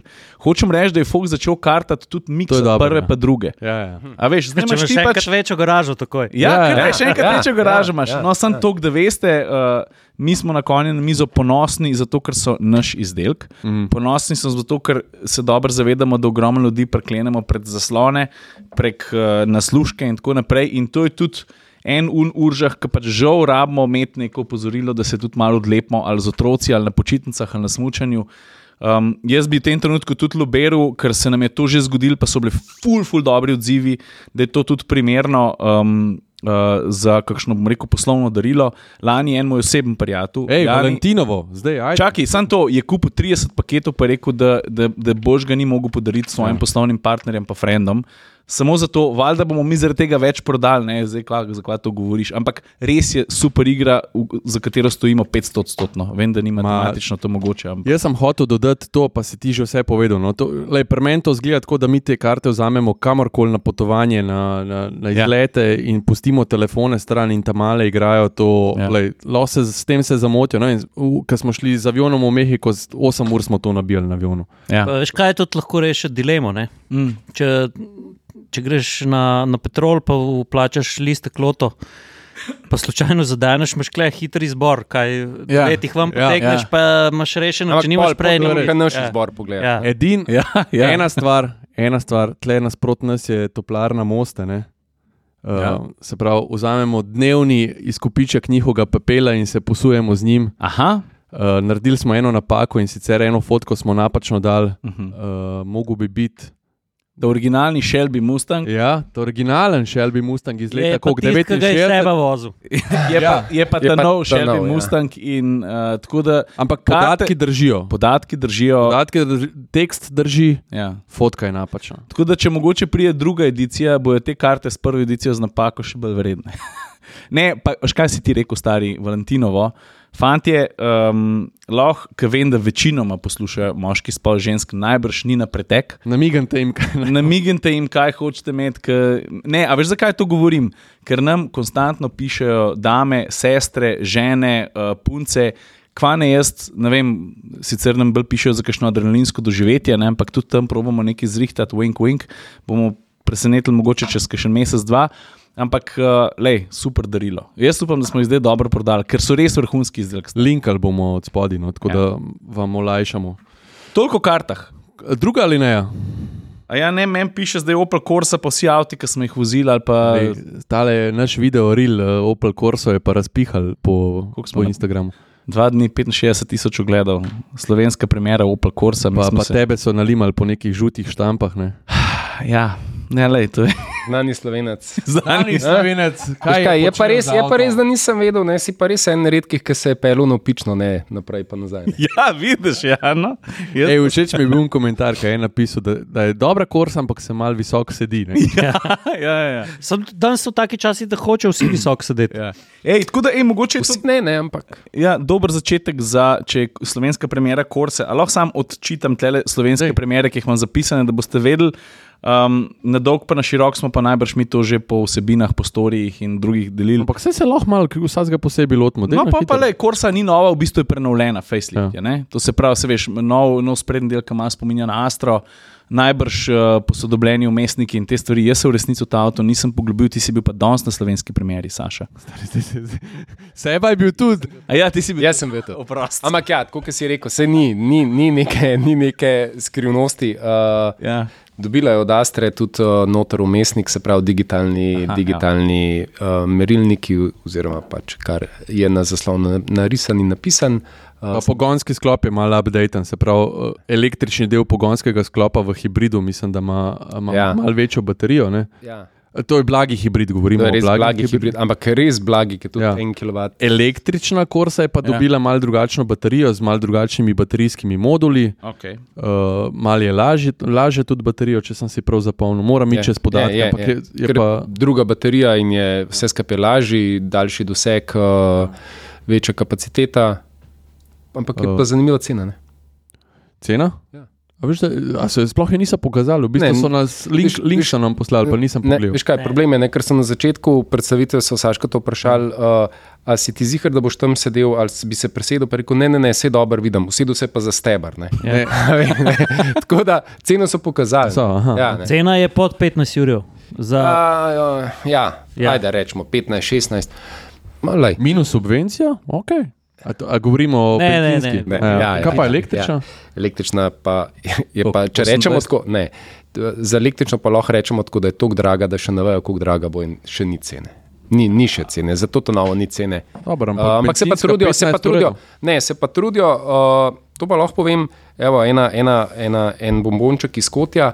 Uh, Lani smo bili na salonu v Münchnu in smo imeli priložnost na štiri oči, ok, bilo nas je malo več, da, ampak smo govorili z vrhovnim šefom Opla in smo se pogovarjali tudi o tej temi. Predvsem smo se pogovarjali o temi uh, prihoda Kitajcev v Evropo uh, z električnimi avtomobili in smo jih pač vprašali, če se kaj boji teh Kitajcev in rekel, ne, bojimo se ga ne, jih pa jemljemo kot resne grožnje oziroma pač jih spoštujemo kot, ne, ampak na, na nek način bojo spodbudili električni trg v smislu, da se bomo prilagodili in je namignil, da bo nekoč tudi Opel naredil električen avto, ki bo stal 25 tisoč evrov.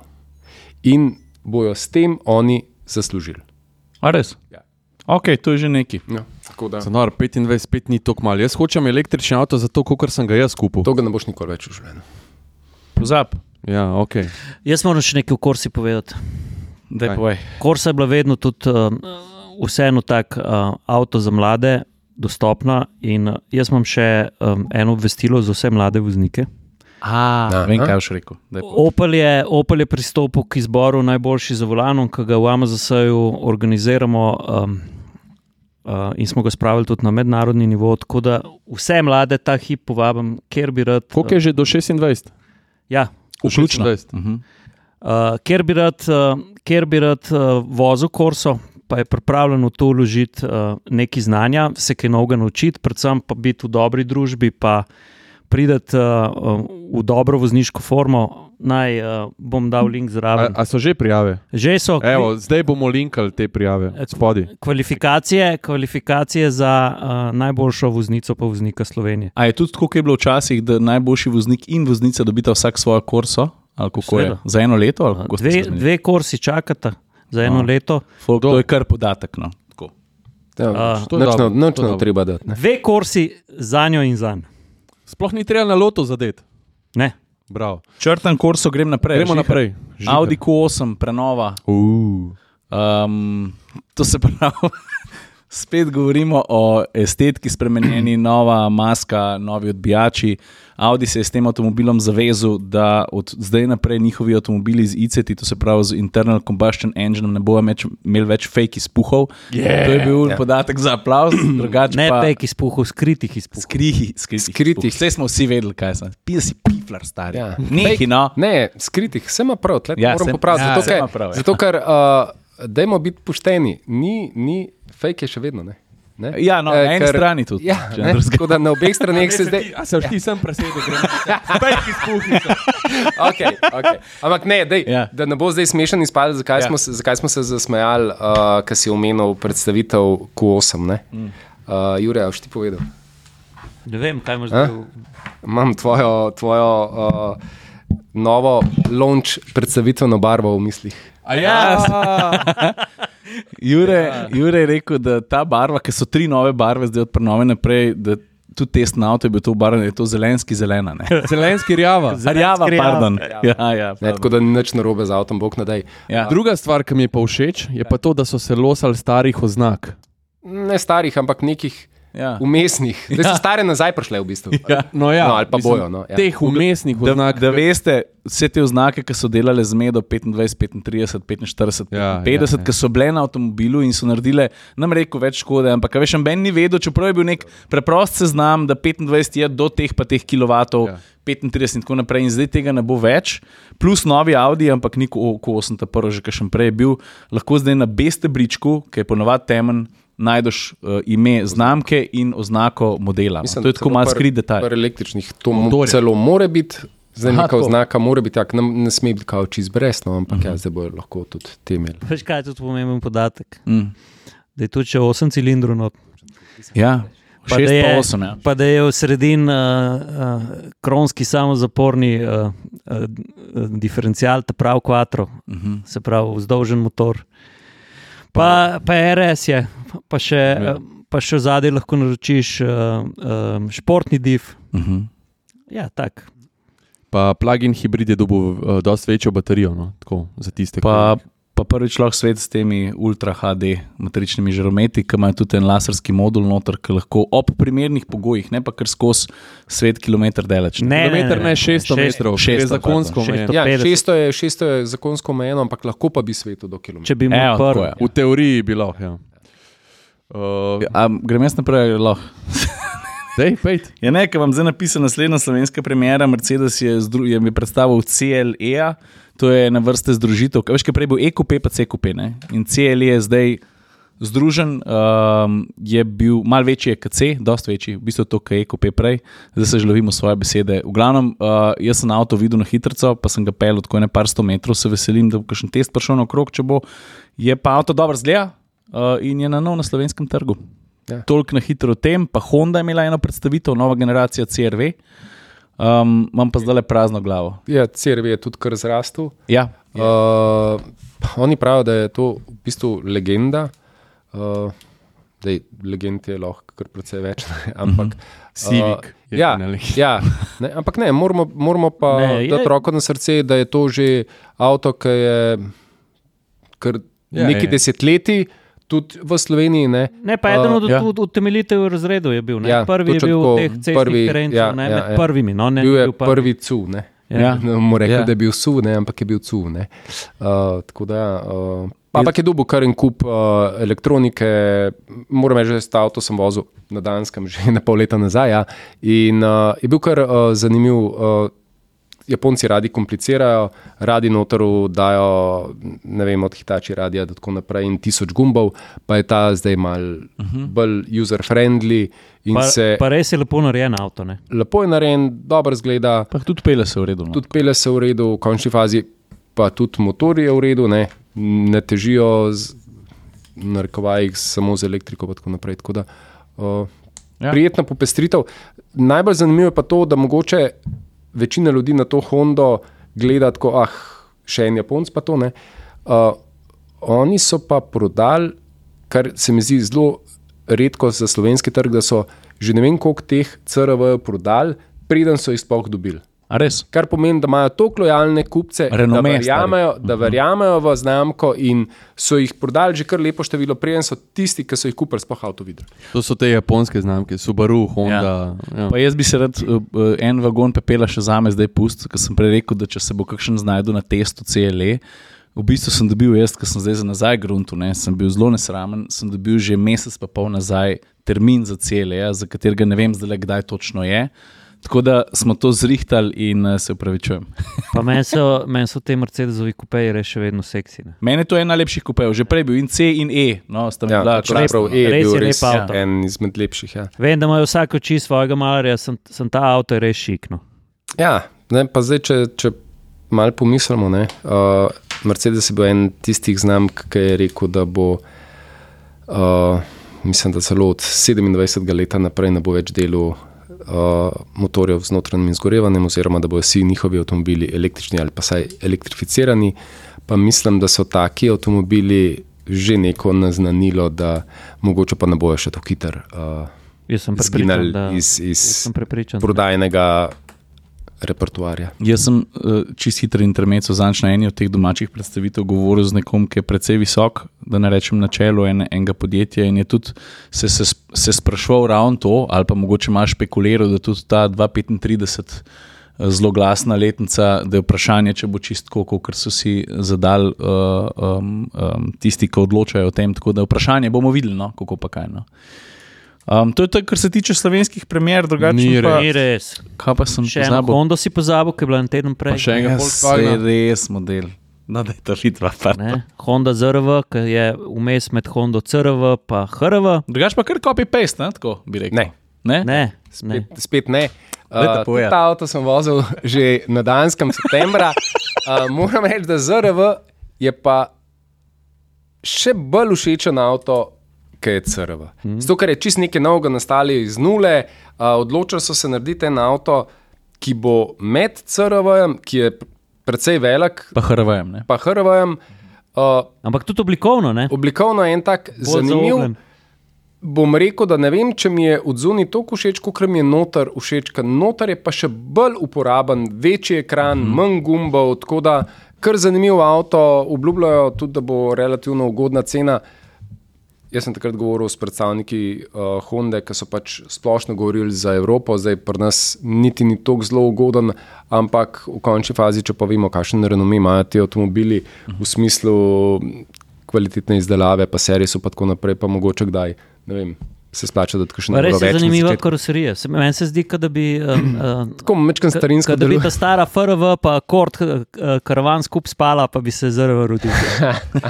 E, ampak zdaj smo govorili samo o nekih znanih facah na slovenskih cestah, ne, uh, prenovljenih sicer, ne, ampak v bistvu smo pa vmes pozdravili en avto, ki je čist nov, nov ne. je pa ID7, Volkswagen. Ne. Tako da v bistvu največji električar na MEB platformi, uh -huh. je večji od uh, ID baza, tam tam ne. Ampak ok, je pa ta mal drugačne oblike. No. Predvsem, predvsem je uh, Koliko časa si nazaj tega vozil? lani Skupaj smo ga vozili. v Španiji. Ja, Ja, še zamaskiran ga, ne? ja. Se lahko pohvalim, da sem ga jaz ta prvi videl, čeprav verjetno ne. V Ameriki, na Ja. ja. salonu je bil. Ja. E, kako vam je všeč? Uh, moje takratno videnje notranjosti je bilo, da je Volkswagen recimo, med električnimi avtomobili znova naredil avto. A ne. Ja. Uh, zdaj, vsi, ali pa veliko ljudi nas pritiska na nas v smislu, zakaj mi tako pušamo električne avtomobile. ali pa ne. Mi nismo uh, del tega, Industrija. tega, tega Lobija, uroka, ja. lobija, ki se je odločil na to. Ne? Ampak zdaj, če je vsak drug avto električen, uh -huh. potem moramo pač o njem kaj povedati. Ja, ne moramo moramo ga testirati, ne moramo reči, da nas pa to ne zanima. Ne? in Moramo, ne? ne moramo. Ampak uh, lahko pa ločimo med. Recimo, povprečnimi električnimi avtomobili, pa dobrimi električnimi avtom- avtomobili, pa ne rabimo zanemariti to, da se je Volkswagen je sicer pohitel z električnimi avtomobili, ampak se je mečkan uštev uh, pri izdelavi, uh -huh. uh, niso glih najbolj pameten ali pa niso glih dobro razmislili, uh, kaj bojo ponudili. In ID3, ID4, ID5 je bil, recimo, zelo očiščen noter. ne. Uh, tako oni pravijo. ne. Ampak se kar sanirajo te napake. Ne, tudi. Vse sanira, ampak uh -huh. napake, ne rekel si napaka. Ne. Se- Se pravi, niso bili očiščeni, ampak so bili pač rahlo, rahlo preveč, ali pa mu rekel, Preveč preveč očiščeni, preveč ne. In zdaj ID7 pa spet prinaša uh -huh. uh, Ne, recimo- občutek, občutek, da se usedeš v avto. In Meni je, meni je avto relativno uh, všeč tudi zunaj. Uh -huh. uh, ampak najbolj pomemben je občutek noter, pa tudi pele se zelo dobro, pa by the way, uh, tudi kar dobro porabimo. no. No, vse to sem hotel reči. To, to sem hotel izpostaviti, zaradi tega, ker jaz sem ga sicer vozil sam na predstavitvi, par kilometrov, ampak sem slišal od parih ljudi, da v bistvu ta prenovljen pogonski sklop res dela razliko skupaj s to baterijo ne? in da naj bi bila poraba res dobra in pogon učinkovit. To sva s, s Sebatom, sva tam le inženirja potegnila, glih v Španiji je to zelo dobro razložil, tudi kaj so spremenili pri samem pre- pretoku hladilnega olja, vse živo, razdrt motor smo imeli. In jaz se prav dobro spomnim, ko sem prvo vožnjo napisal uh, uh, in objavil v Motorjevi, uh, so takoj uh, prišli vsi tisti, ki tudi niso vozili ta avto, pa komentirali, da to je spet kar nekaj od programskih vrstic do, do porabe. Ampak danes od teh istih ljudi poslušam, kako se avto pele mm. dobro, pa kako nizko porabo, oziroma izboljšano porabo. In uh, jaz mislim, da je največji highlight uh, IDEA 7 tu, kar je sebe izpostavil. Prvič, to je spet tisti električni Volkswagen, ki je narejen tako, kot od Volkswagena pričakujemo. Uh -huh. Dajmo roko na srce, recimo Bobu Bob. ID serija do zdaj so preveč, um, preveč so šli nazaj, kar se tiče plastike in podobnih stvari. Apro, no, da je poje. ID7 je not izdelan tako, kot uh, se od take znamke pričakuje. Prinesel je tudi par takih zanimivih uh, sladkorčkov od Une, um, um, se pravi, strehe, strehe. ki je, ki je občutljiva na, kako se že reče, foto. Fotovoltaik. Ne fotovoltaika. Uh, spektr, ne? se pravi, elektronsko spremeniš spektr za svetlobo, za, za jo. ne. Uh, pa uh, od novega umestnika, pa predvsem ta, res, um, ta vožnja. Ne? Pa neke fore sedeži ima, a nima neke ultra komfortne sedeži, ki znajo neki sami od sebe. sedeži so ne. sedeže sem jaz uh, tudi nedolgo nazaj sprobil na mal daljši. Itak, da si. na mal daljši uh, vožnji. Uh, sedeži uh, grejo, hladijo, in če se prešvican usedeš noter, te posušijo. Prav Evo, program, sem. Mhm. program sušenja, uh, poleg tega imajo pa. Ne vem, jaz mislim, da sem z avtom vozil dve uri, pa nisem mogel sprobati vseh programov masaže. Uh, Imajo masiranje, različne vrste masaž, s tem, da masirajo hrbet Ja. ja. in tudi medenico. No. To ima In tudi, tudi, in tudi to greke hlajene te stvari delajo avtonomno, ne? on, ug- on pogrunta, Ja, kaj se s ja. tabo dogaja, te vroče. Te, ne? Ti lahko ti sicer lahko vse sam, Tako, sam ja. upravljaš, ampak lahko pa prepustiš avtomatiki in ona, ona spremlja tvojo telesno temperaturo, oziroma temperaturo, ki se vmes ustvarja, uh -huh. te pohladi, te pogreje. Kar bo najboljš, ne? zdaj zelo hitro gremo voziti tudi uh, ID7 karavana. Ne? Aha, vidiš, to pa sploh vedel nisem. Ja. Dej, apropo, sam da ne pozabim, no? Ker imam pa jaz tudi frišno izkušnjo, ker sem pa testiral tega prenovljenega faceliftinga ID3, še vedno je noter špartanski, ampak ker sem rekel, da, da, da sanirajo težave, ki so jih imeli v prost, ampak jaz sem se v tem ID3 počutil vsem drugače kot v prvi varianti pred, ne vem, da reč tremi leti, zato ker so pa vsem namontirali druge materiale na vrata in spodnji del armature, ki smo imeli toliko často zapovedati. Tako, a veš, so poslušali in trg in novinarje in so naredili nekaj sprememb. No, tako. Pa veš kaj, se na nek način je, je krivično reči, da je bil ali da je, uh, ne vem, ni tako kvaliteten, kot mi pričakujemo, ali pa da ne zadovolji vseh naših uh, zahtev. Ampak vsi ti avti so na neke vrste, neke vrste še pionirji. Ja. Pionirji elektrifikacije, pionirji električnih avtomobilov. In rečemo tako, moraš imeti kar nekaj poguma, da narediš električen avto, da jih narediš toliko, ki jih je Volkswagen v končni fazi naredil.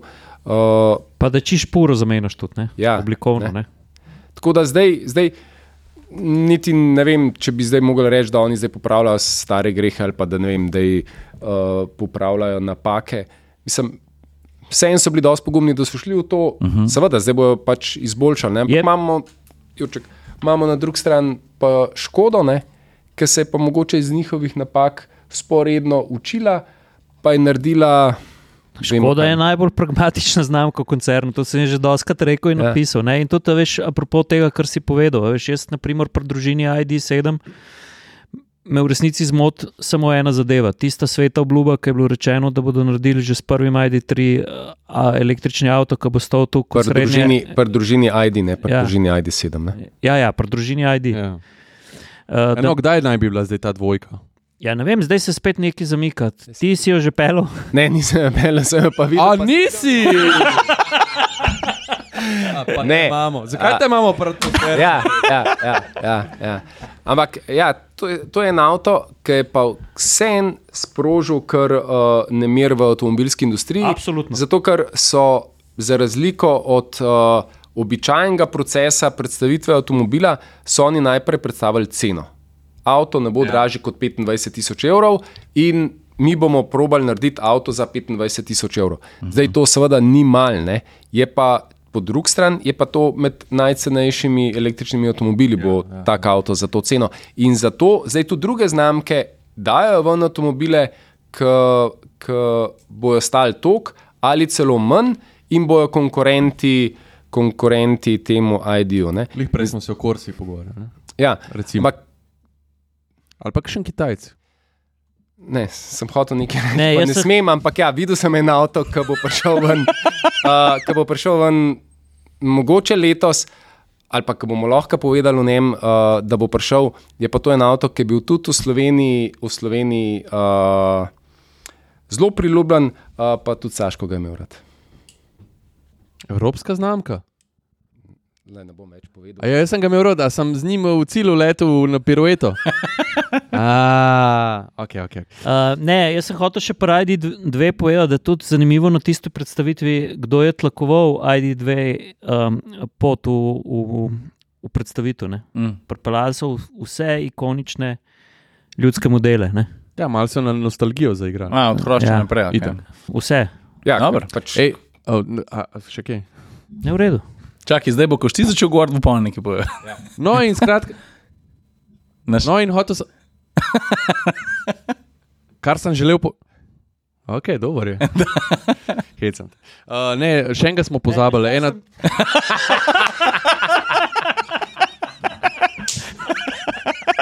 Sam si ga res.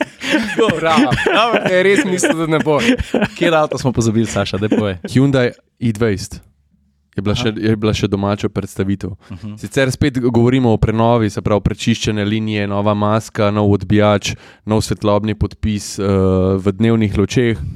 Pa v notranjosti malo novejši materiali, Pa oziroma izboljšami, ja, en line oprema, pa digitalni merilniki in tako naprej.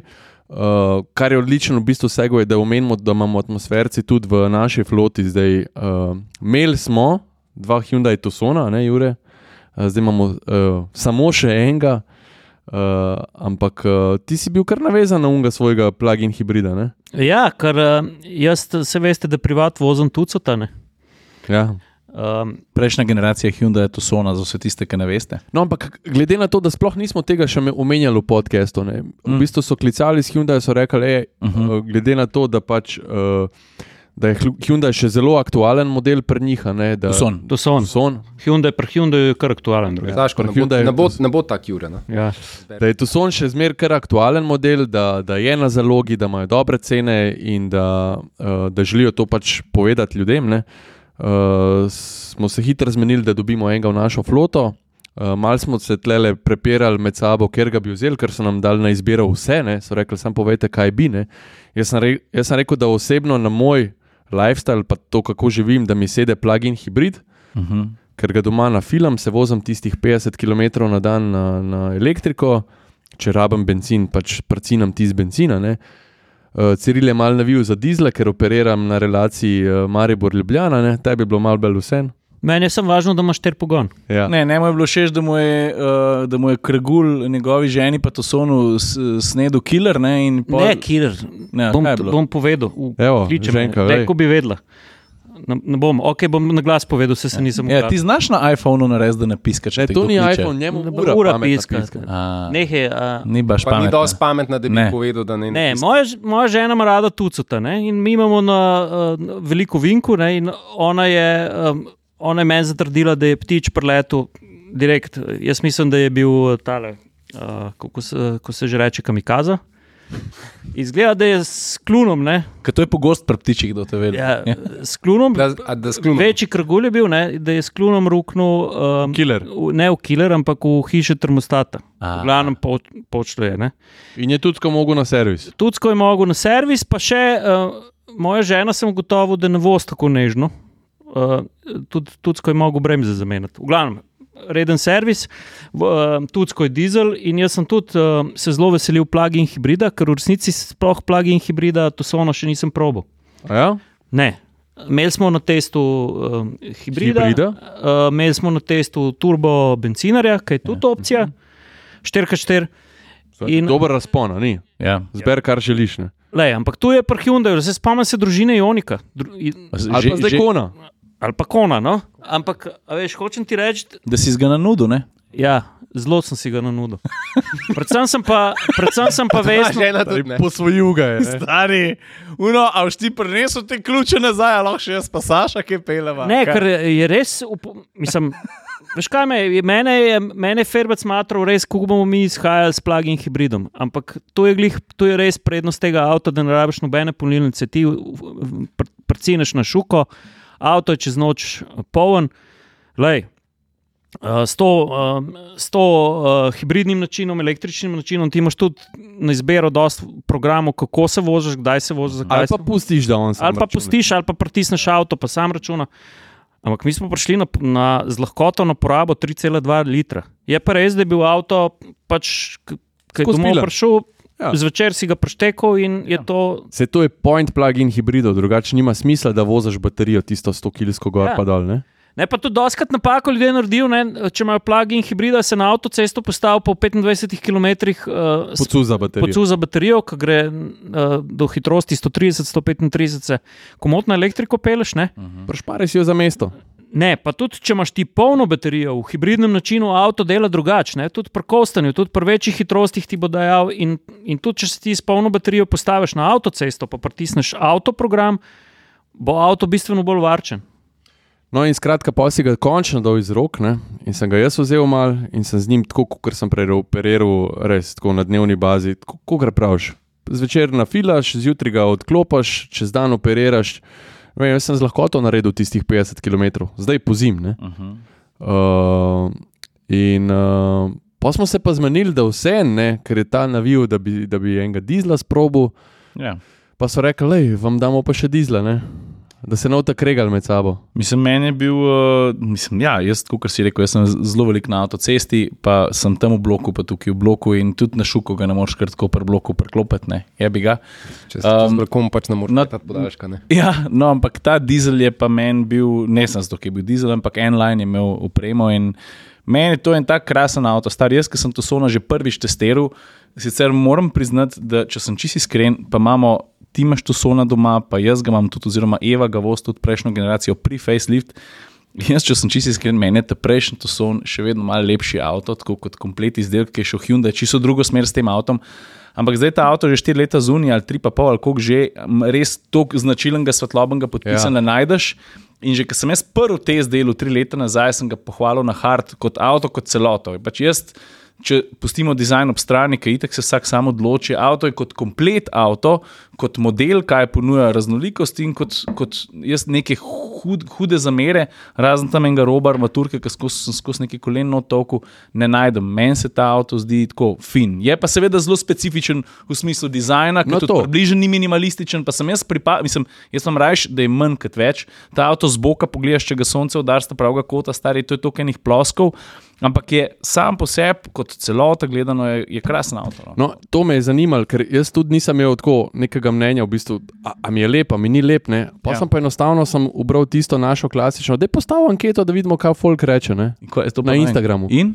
In sem dal uno tis, tisto fotko close-upa narezanih luči, ne pa sem mm -hmm. rekel, hej, ti je to kul cool, ali ti je tako preveč blešči vse tisto v glavo. In je, mene je presenetilo, ker je 80% ljudi glasovalo, da jim je totalno kul. Cool. Evo ti ga na.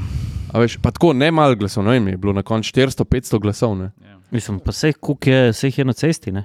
Ja, ja, se, zdaj jih je že kar, jaz sem začel opažati. Veš, to je tista klasična, dokler ne, ja. ne voziš, ne, ne opaziš, ne vidiš. Ki ga pa začneš, teh tosono je tako, res jih je veliko in jih je folk po mojem sprejel in ta, ta podpis, točno pogledaš v špego, veš, aha, lega. Mhm. tudsko, kako mu rečeš? Tudsko. Tudsko prihaja. Ne? ne, pa tudi tako je. Veš, meni je ta plugin zanimiv tudi zaradi tega, da če imam rad avtomobile s štirikolesnim pogonom. Ne, in to je uh, avto, ki ima še vedno mehanski štirikolesni pogon. Ja, ja. Mhm. In tudi sprobali sprobal smo ga v snegu. Uh, tudi imeli smo v Amazonu eno, eno vozniško delavnico um, skupaj z Verigo LSC in uh, smo po tistem največjem sneženju letošnje zime, naslednji dan bili z tem avtom na Krvavcu. Uh mhm. -huh. In presenetljivo iz kašne luknje izplezel, sicer verige na, na, na prvih kolesih, ampak uh, ja, noro. Uh, tako da so tudi žičničari kar vam pogledali, kaj je, res je prišel gor. Ja, ja res je prišel.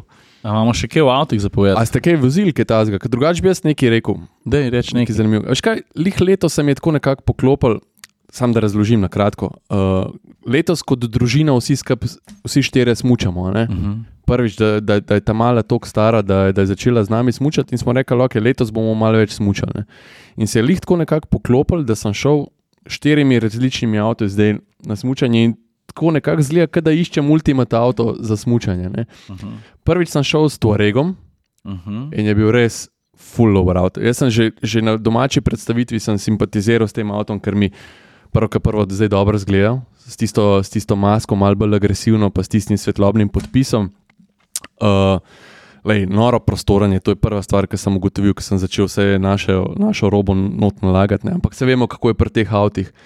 Ne glede na to, koliko imaš prostora, vedno ga boš naložil do zadnjega kotička, ki greš na smutanje ali, mm. ali pa nekam na, na take izlete. No. Ampak skratka, to regijo vse požrl z lahkoto. Uh, poraba je bila smešna, sicer valjda se peleš čez tisto Avstrijo, ampak mislim, da sem bil na nekje 7 litrov, nekaj tasga. Mm. Zdaj sem pozabil, ampak okrog 7 litrov. Z ne, dve toni smo imeli skoraj, uh -huh. polno naložen avto, pa čez vse tunele, pa hribe, in tako naprej. Uh, Uh, pol je bil naslednji avto, je bil uh, eh, BMW X6. Pa sem rekel, ok, pač zdaj pa malo drugačna oblika ritke. Uh mhm. -huh. Poglejmo, če bo ta avto požaril našo uh, kramo. Ne? Spet, mislim, sicer se opazne, da ta lok začne padati, pa tam ne moreš dodatnega tizga kufra, pa dodatnih nekih stvari naložiti gor, ker hitro zuno uh, šipo pritisneš. Sam je vse na avto tako velik, da nekaj litrov imaš. Ja. Ne? Pa, pa predvsem, veš, jaz nisem imel strešnega kočka, ampak sem smočke naložil po sredini, pa jih pravilno tudi zagurtno, valde, da ne vrata tisti strel, ki to itak apeliram na vse. Če, če se poslužujete teh uh, vreč za smoči, pa to dajte pregurtnati uh, smočke. Uh, ampak le, tudi X6 je lepo požrla vse. Uh -huh. uh, In smo se super pelali, mislim, sem, tudi tam je uh, pol snežil, pa sem jaz na po smutku sem šel na eno vožnjo, tako malo po, po snegu in sem noro živel tudi s tem avtom. Um, pol naslednji avto je bil pa totalna kontra, je bil pa Ford, uh, Ford Ranger, ne? je bil pa pickup. In pol sem mislil, fuck, jaz sem najdel ultimativen avto za nasmučanje. A veš, kaj te pick-upi niso več delovni stroji. Mm. Sto, recimo, ne, če ima dost veliko dvojno kabino, če imaš rolo od zadaj, vržeš tisto vso robo od zadaj, pokriješ tistim rolojem, zdaj mim grede tudi je na štrom, ne? na elektriko in imaš daljinca in vse in odpiraš, lahko nekdo gre od zadaj nekaj iskati, pa ti na delač odpreš v rolo. Te, te avto res niso več delovni ja, stroji. Gospe se niso hodile ukvarjati s tisto špago, ki si ga zdaj potegnil. Ja, to, veš, ne samo delovni stroj. No, ne samo delovni stroj, ne. ampak veš, pa, pa drug šmek imeti tak avto na smočišču. Veš, ki prideš nazaj smučanje, imaš une smučke, še zmeraj mokre, pa snege gorne. Ja. Tam not v, v tizga eh, BMW, tako porivaš not, pa tako veš, da se bo ti malo stopil na unih zicih. Ja, ja. Tlele vržeš not, ki so on pozabiš na unih ja. sneg. Tako, dober feeling je, no, pa, ej, dober avto je bil. Uh, Evo, zdaj sem pa, danes sem pa prevzel še uh, ta novega Kajena. Stari, jaz moram začeti smučati, no tudi tako Ja. ja. tesne avto vozim. Tako da delam v bistvu ultimativni, uh, iščem ultimativni smučarski avto. A drugače, kam pa hodiš smučati, v Espen? V St. Moritz. Uh, mi, mi ne plačajo to gorivo.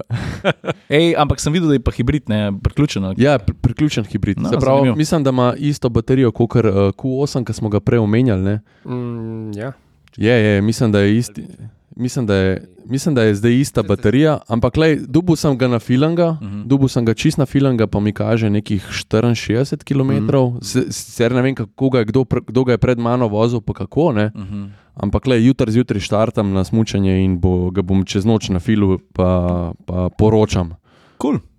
Tako Da, lej, ampak uh, tisti, ki me na Instagramu spremljate, sem vse te avte tudi objavil, uh, pa, pa na nek način tako. Za tiste, ki hodite s familijo smučati, no, se mi zdi uh, zanimivo vsebino. No?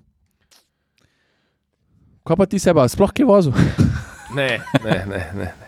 Um, E, ampak ne, sem te pa res videl zdaj uh, s to Kijo, uh, Eva 9. Mhm. Ful Ja, zanimiv pač- avto. Zanimivo avto. To je avto, ki je pač v finalu za Evropski A ja, avto leta.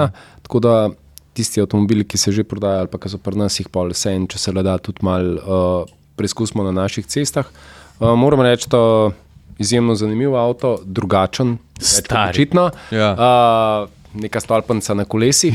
Uh, tako bomo rekli, če bi bil ta avto in tudi bo uspešnica, recimo v Ameriki ali pa kje druge, uh, ker tam točno za ta avto je. Pri nas, pa iz vlastnih izkušenj lahko rečem, da ga je kar težko jim parkirati, pa ne zato, ker ne bi znal parkirati. Ampak Velik je, enostavno, Velik. enostavno je prevelik za naša parkirna mesta, potem si pač tisti, ki parkira čez črto, ne, pa ja. nam ne gre drugače. Izjemno velik, uh, baterija bi lahko bila večja, Ampak čakaj, ker nič ne vem o tem avtu. A je to isti pogonski sklop, ki Evo 6. Aha, se pravi 800-voltna struktura in tako naprej. Ja, ja. Okej. Ampak uh, lej, spet, kura jajce, kura jajce. Greš na polnilnico, mi imamo zdaj dve novi polnilni, ultra sonični polnilnici na barju, uh, preklopaš pa ne, na 350 ti kaže 175, recimo, priješ do 175. Vse moraš malo počakati. Ja. Tle, tle je toliko nekih parametrov, v bistvu, pa pa na koncu ne moreš ugotoviti, a je avto kriv, a je polnilnica kriva, a veš, a je temperatura kriva, a je baterija kriva, a je segreta, ni segreta. Tako, pač uno, da bi mi vsaj nekdo povedal, hej. Naslednjič, če hočeš ultimativno polnjenje, moraš to, pa to, pa to, pa to narediti, pa prideti na to, pa to, pa to Jaz polnilnico. lahko, povem, jaz lahko povem en zanimiv primer. Vedno se pregovarjamo, kako dolgo traja to polnjenje. Ker sem bil na, na testiranju Eva 6 v Španiji, uh, poletje je bilo vroče, je bilo kasina in smo mi prišli na Ioniti 350 polnilnico in dejansko smo mi. Je bilo tako, tako je bila ruta narejena, da smo prišli tja in smo mogli polniti, ker je pač avto rabo elektriko, smo preklopili, fanti so bili tam, so se zrihtali, tako naprej. In sem jaz pač še z enim, ki sem se pelil, se rekel, da greva noter, greva na sladoled. Uh, vroče je bilo, greva noter v trgovino, se pravi, kupovati sladoled, lučko, karkoli že, pojeva, pa rečeva, ajde, greva zdaj proti avtu. Sva pa v benzinski črpalki, zato ker uh, polnilnica je bila na soncu, pa niso hotela tja stati. Pa sva tle pojedla sladoled, pa sva rekla, ajde, greva zdaj tja in prideva tja in je bil avto na 90 postane. Sam tok, ne. v bistvu en sladoled poješ, Ja, in, Mislim, top je bilo, ne? ampak seveda, ne? ker je Kia ena redkih, ki je veliko dala tudi na hitro polnjenje in dejansko se je avto hitro polnil. Sam to je spet kone. Ja, Če ponuja, je pogoj. treba tudi to dobiti. ne. Um, da ne pozabim, uh, ker sem si tudi to zapisal in to je še edina beseda, ki ni prečrtana. Uh, z tvojim prihodom atmosferce se je tudi malo razširil naš. Ne rečem repertoar znan obvladovanja dveh koles. Tako da, če sem ja. jaz tebe prav razumel, bomo sem pa tja uh, govorili tudi o kakšnem motociklu. Ne? Pa ne samo o Harleyjih, mogoče ali bomo samo o Harleyjih govorili, ker vem, da si ljubitelj, ne? uh, pa si tesno povezan. No? Ampak kaj to pomeni za nas? No? Jaz, jaz bom rekel tako, da to je pa en čist drug aspekt vožnje, oziroma uživanja, nek drug užitek v vožnji. ne. Uh, zdaj, veliko motoristov reče, da Harley niso motori. Ne? Uh, pa jaz niti se ne sekiram, kaj dosti, ali pa bom rekel, niti ne dajem kaj dosti na to, ker delno imajo to prav. Jaz vedno trdim, še vedno trdim, da je Harley verjetno en najdražjih, pa ne bom rekel najslabših, ampak najbolj zakompliciranih, ali pa, ali pa niti ne zakompliciranih, ali pa ampak motorjev, ki rabijo še toliko pol neke nege. Da je to noro. Ja, pa se to je priča njegova. To, to je njegova priča. Je pa res, da mogoče je to tudi izziv vsem nam, ki to imamo, da pol to skozi neki šraufaš, dopolnjuješ, pa tako naprej. Uh, ampak hočem reči samo to, da je vožnja z motorjem čist nekaj drugega kot z avtomobilom, delno mogoče pri, primerna vožnja ali pa primerljiva vožnja z kabrioletom, da je tiskaj se pelil s kabrioletom, o čem govorimo. Ne? Se pravi, ti znotraj potniške kabine samo vidiš, ki si pa ti od zunaj, pa tudi čutiš. Ne? Hmm. Ne? Uh, in zdaj s super športnimi uh, motorji se peleš ti izjemno hiter, oblečen si v, v popolno snenko, minizon, čelade, gor dol. In si pravzaprav zelo izoliran od okolice. Tudi relativno hiter se peleš, nimaš kaj dosti uh, časa razmišljati, pa gledati naokrog. Uh, Harley, pa bom rekel, tudi rečemo tako, touring motocikli, motocikli, ki so namenjeni vožnji na daljše proge, z mogoče tudi sopotnikom ali pa sopotnico zadnji, so pa počasnejši. Prvič, ne grejo tako hitro kot superšportni uh, motocikli, niso tako narejeni, da bi se tudi vem, izjemno dobro pelali pri hitri hitrosti in se peleš z njimi počasneje. Kruzaš, ne? Kruzaš in imaš možnost uživati in občutovati okolico. In je to en tak užitek v vožnji, ki je težko primerljiv s kjerkoli vožnjo uh -huh. druge. Na kjerem koli drugem motociklu, ne vem, verjetno je to mogoče celo najbolj primerljivo vožnji s kolesom, ki greš čez naravo, čez uh -huh. res čist, direkt čez gospa to in vohaš, vidiš ptiče. Uh -huh. to, da, to je en tak drug način. Uh, jaz sem rekel, da je to nek način če rečem, način življenja bo to Ja, zelo, je zelo, zelo, valjda, da zelo pocukran ali pa zelo klišejevsko izpadal, ampak dejansko je. Ne. Res je. Jaz, jaz sem se dolg časa upiral temu, uh, pa ko sem postal lastnik Harlija, sem se tu če kar upiral, pa se nisem hotel družiti. pa to, Dokler recimo nisem šel v, v Ameriko, z mojo sva šla v Ameriko, sva stala, um, mislim, je nekje v Phoenixu na, na semaforju in se pripelje na nasprotni strani policaj na Harliju in on mene lepo pozdrav, jaz dvignem roko, ga pozdravim nazaj. In Tako, Andreja od zadaj začudna. Ej, tebe slučajno policaj pozdrav zdaj. A Ne? se poznate? Ej, ne, tako, what, ne? Ja, ja ne, lej, če na Harliju. Ne? Ja, ja. Tako da to je pa ena taka multi, multinacionalna stvar, kjerkoli na svetu se boš ti s Harlijem pojavil, bojo rekli, o, le ga Harlija. Uh -huh. Za vse ostale, pa ne mislim zdaj slabševalno, ampak meni je to en inštruktor rekel že dolgo nazaj. Uh, za vse ostale je to ne. Na Harlejevem nivoju nedosegljivo. Ne, ne, ne, ja, nedosegljivo, ni, ni drugače to. No. Ni to taka subkultura, kot je v bistvu. Ja. to vse povleče za sabo. No? In men, no, kaj pa ta inštruktor rekel, rekel, še nisem videl človeka, ki bi imel recimo Honda tatu. ja. Dobro. Uh, Honda, Honda Civic že, ne? ja, ne ljudi, ljudi recimo s Harlejevim tatuji ali pa tako jih je pogrom, ampak ne, ni zdaj to nič primerljivo. To je res nek drug način, Ja. način, način življenja in je drugačen, ki padeš enkrat noter, te potegne. tako Da, uh, meni je kulno, zato ker ne glede na to, kje po svetu se voziš, si, si recimo, Pa tudi Harley je motorne. Vse smo vsi, vsi šmrkoci, vsi šmrkoci poznajo Harley. Po končni fazi lega modela, s skoraj serijsko, kaj je tale Panamericana, ne? Panamerika. Panamerika je, je Dakar Je- pripeljal zdaj. Ja, A ja, ja, Pa ne prvič. Ja, ja, Hudo. ja, ja. Tako Tako da, no, tako da malo zaokrožimo. da se Ja, no, bomo ampak ja, ne, bomo, kaj, ne, no. bomo, ne bomo samo v Harlih, seveda, Ja. ker to je zdaj, pa ne bomo imeli zelo velik dela, ne, ker ni. Lej, mi bomo kaj o skuterjih, a Ja. ja. skuter. Uh, Atmosfera, ki imamo enega, veš? Ja, no super. Ja. Uh, moja, še- moja, moja, moja motoristična, motociklistična kariera se je začela s skuterjem. Ja, ne? uh, tako da še je kaj bil dosti- dost... dober, BMW. Če boš rabo našega, Ja, ja, a ne, ja. pa mi imamo še votana v garaži. Ja.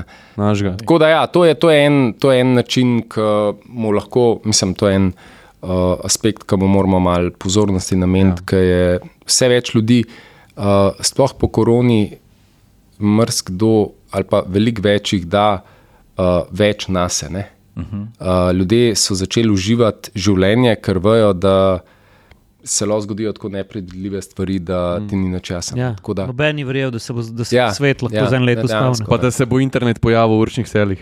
E, a smo mi na koncu? Ja, smo. Ej, seba, kaj bo tvoj ta prvi avto? Testen. Ne, Ne. sploh v lifeu.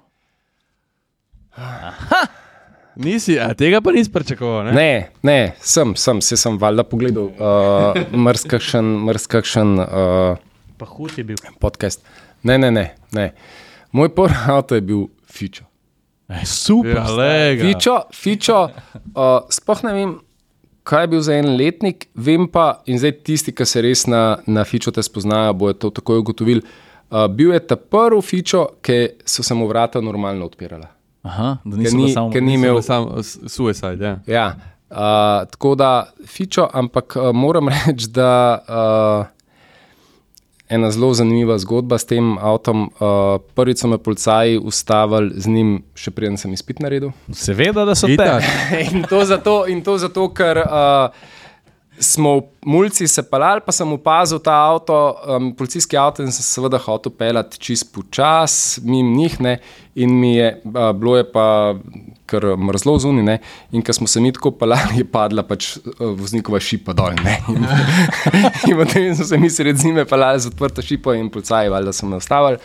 In to je, bila, to je bil prvi tak uh, nesrečen primer s tem avtom. Drugi in dokončni primer s tem avtom je pa bil, uh, jaz sem naredil, jaz sem delal pač tako, kot uh, Jure prav, da sem že star, že kar nekaj let nazaj izpit. Ne. In ko sem naredil izpit, jaz sem imel uh, izpitno vožnjo ob sedmih zjutraj na Roški, mislim, da sem v pol ure sem bil fertik, to je bilo tik-tak.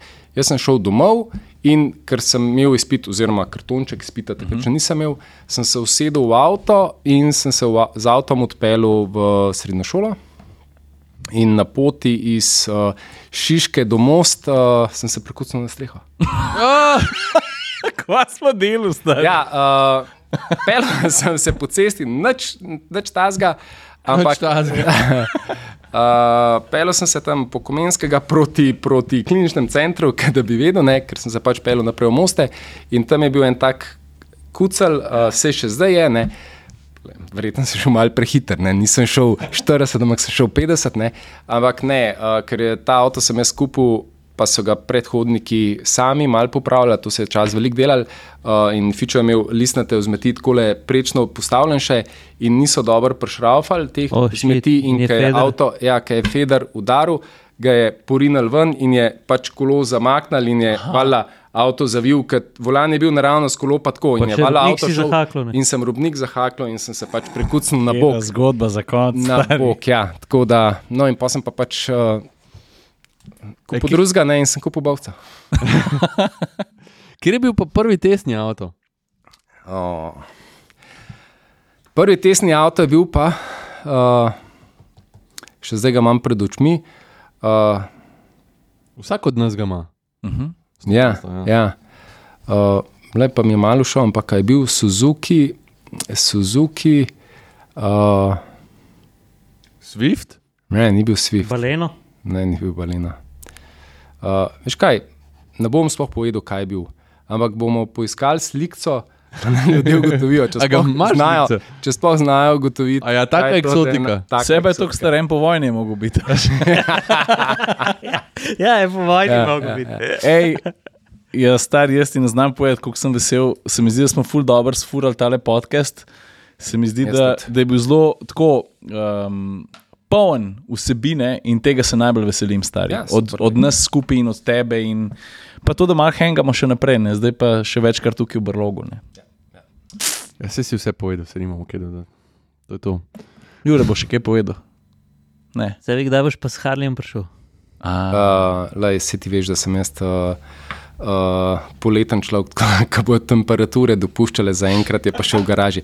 Jaz mislim, da si prej ti k meni prišel, kot bom jaz Ha- s Harlijem sem prišel. Ni, jaz se vozim, jaz se vozim zato, da na motorju uživam in se vozim takrat, ko mi je prijetno v mrazu. Pa Meni je bom- Pa prijetno. bom, še, pa, bom pa jaz prišel, ko moraš ga pa zbuditi, mora en cold start To pa narediti. To pa je. To A gremo kam skrb zdaj, kaj? A se bomo kje družili? a greste na kakšno pot vi? Jaz grem na Passata naslednji teden, Passat Tiguan, kam greš pa ti? A ja, no, evo, no tako da jaz pa seba bo že pohengala, pa bomo govorili Ja, ja, v ja, podkastu. ja. Jaz grem na ID7, pa uh, Buzz GTX. Saša, No, jaz grem tudi. A no, evo, vidiš, pa gre kar na obe. Jaz grem pa, jaz grem pa hmal voziti nekaj čist, kar je izven moje cone obdobja. Ne, boš res? Ja. Pa, pa sploh izpita nimam za to, by the way. Ne? Model bo V furul. Göteborg boš šel. Ja, Model- grem, v Göteborg grem voziti Na metre in tone. Volvo tovornjake. Ja. Tako da tega se tudi veselim. Mislim, zakaj sem to rekel, da grem voziti brez izpita, zaradi tega, ker bo valjda uh, celotna zadeva na njihovem poligonu. Poligonu. Ja. Tako da zato so mi dovolili. No. Že imamo material za naslednji podcast, hočeš. Drugače, mi dva greva tudi na eno zanimivo pot, ampak to je pa pol še malo naprej. Ne. Ja. To sva pa tudi dobila, dobila vabilo um, pred kratkim. Ja, prav, dajmo zaključiti. No? Ok, Potegni črto, vstav. Ajde, folk, čau, čau. Ajde. Nasvidenje.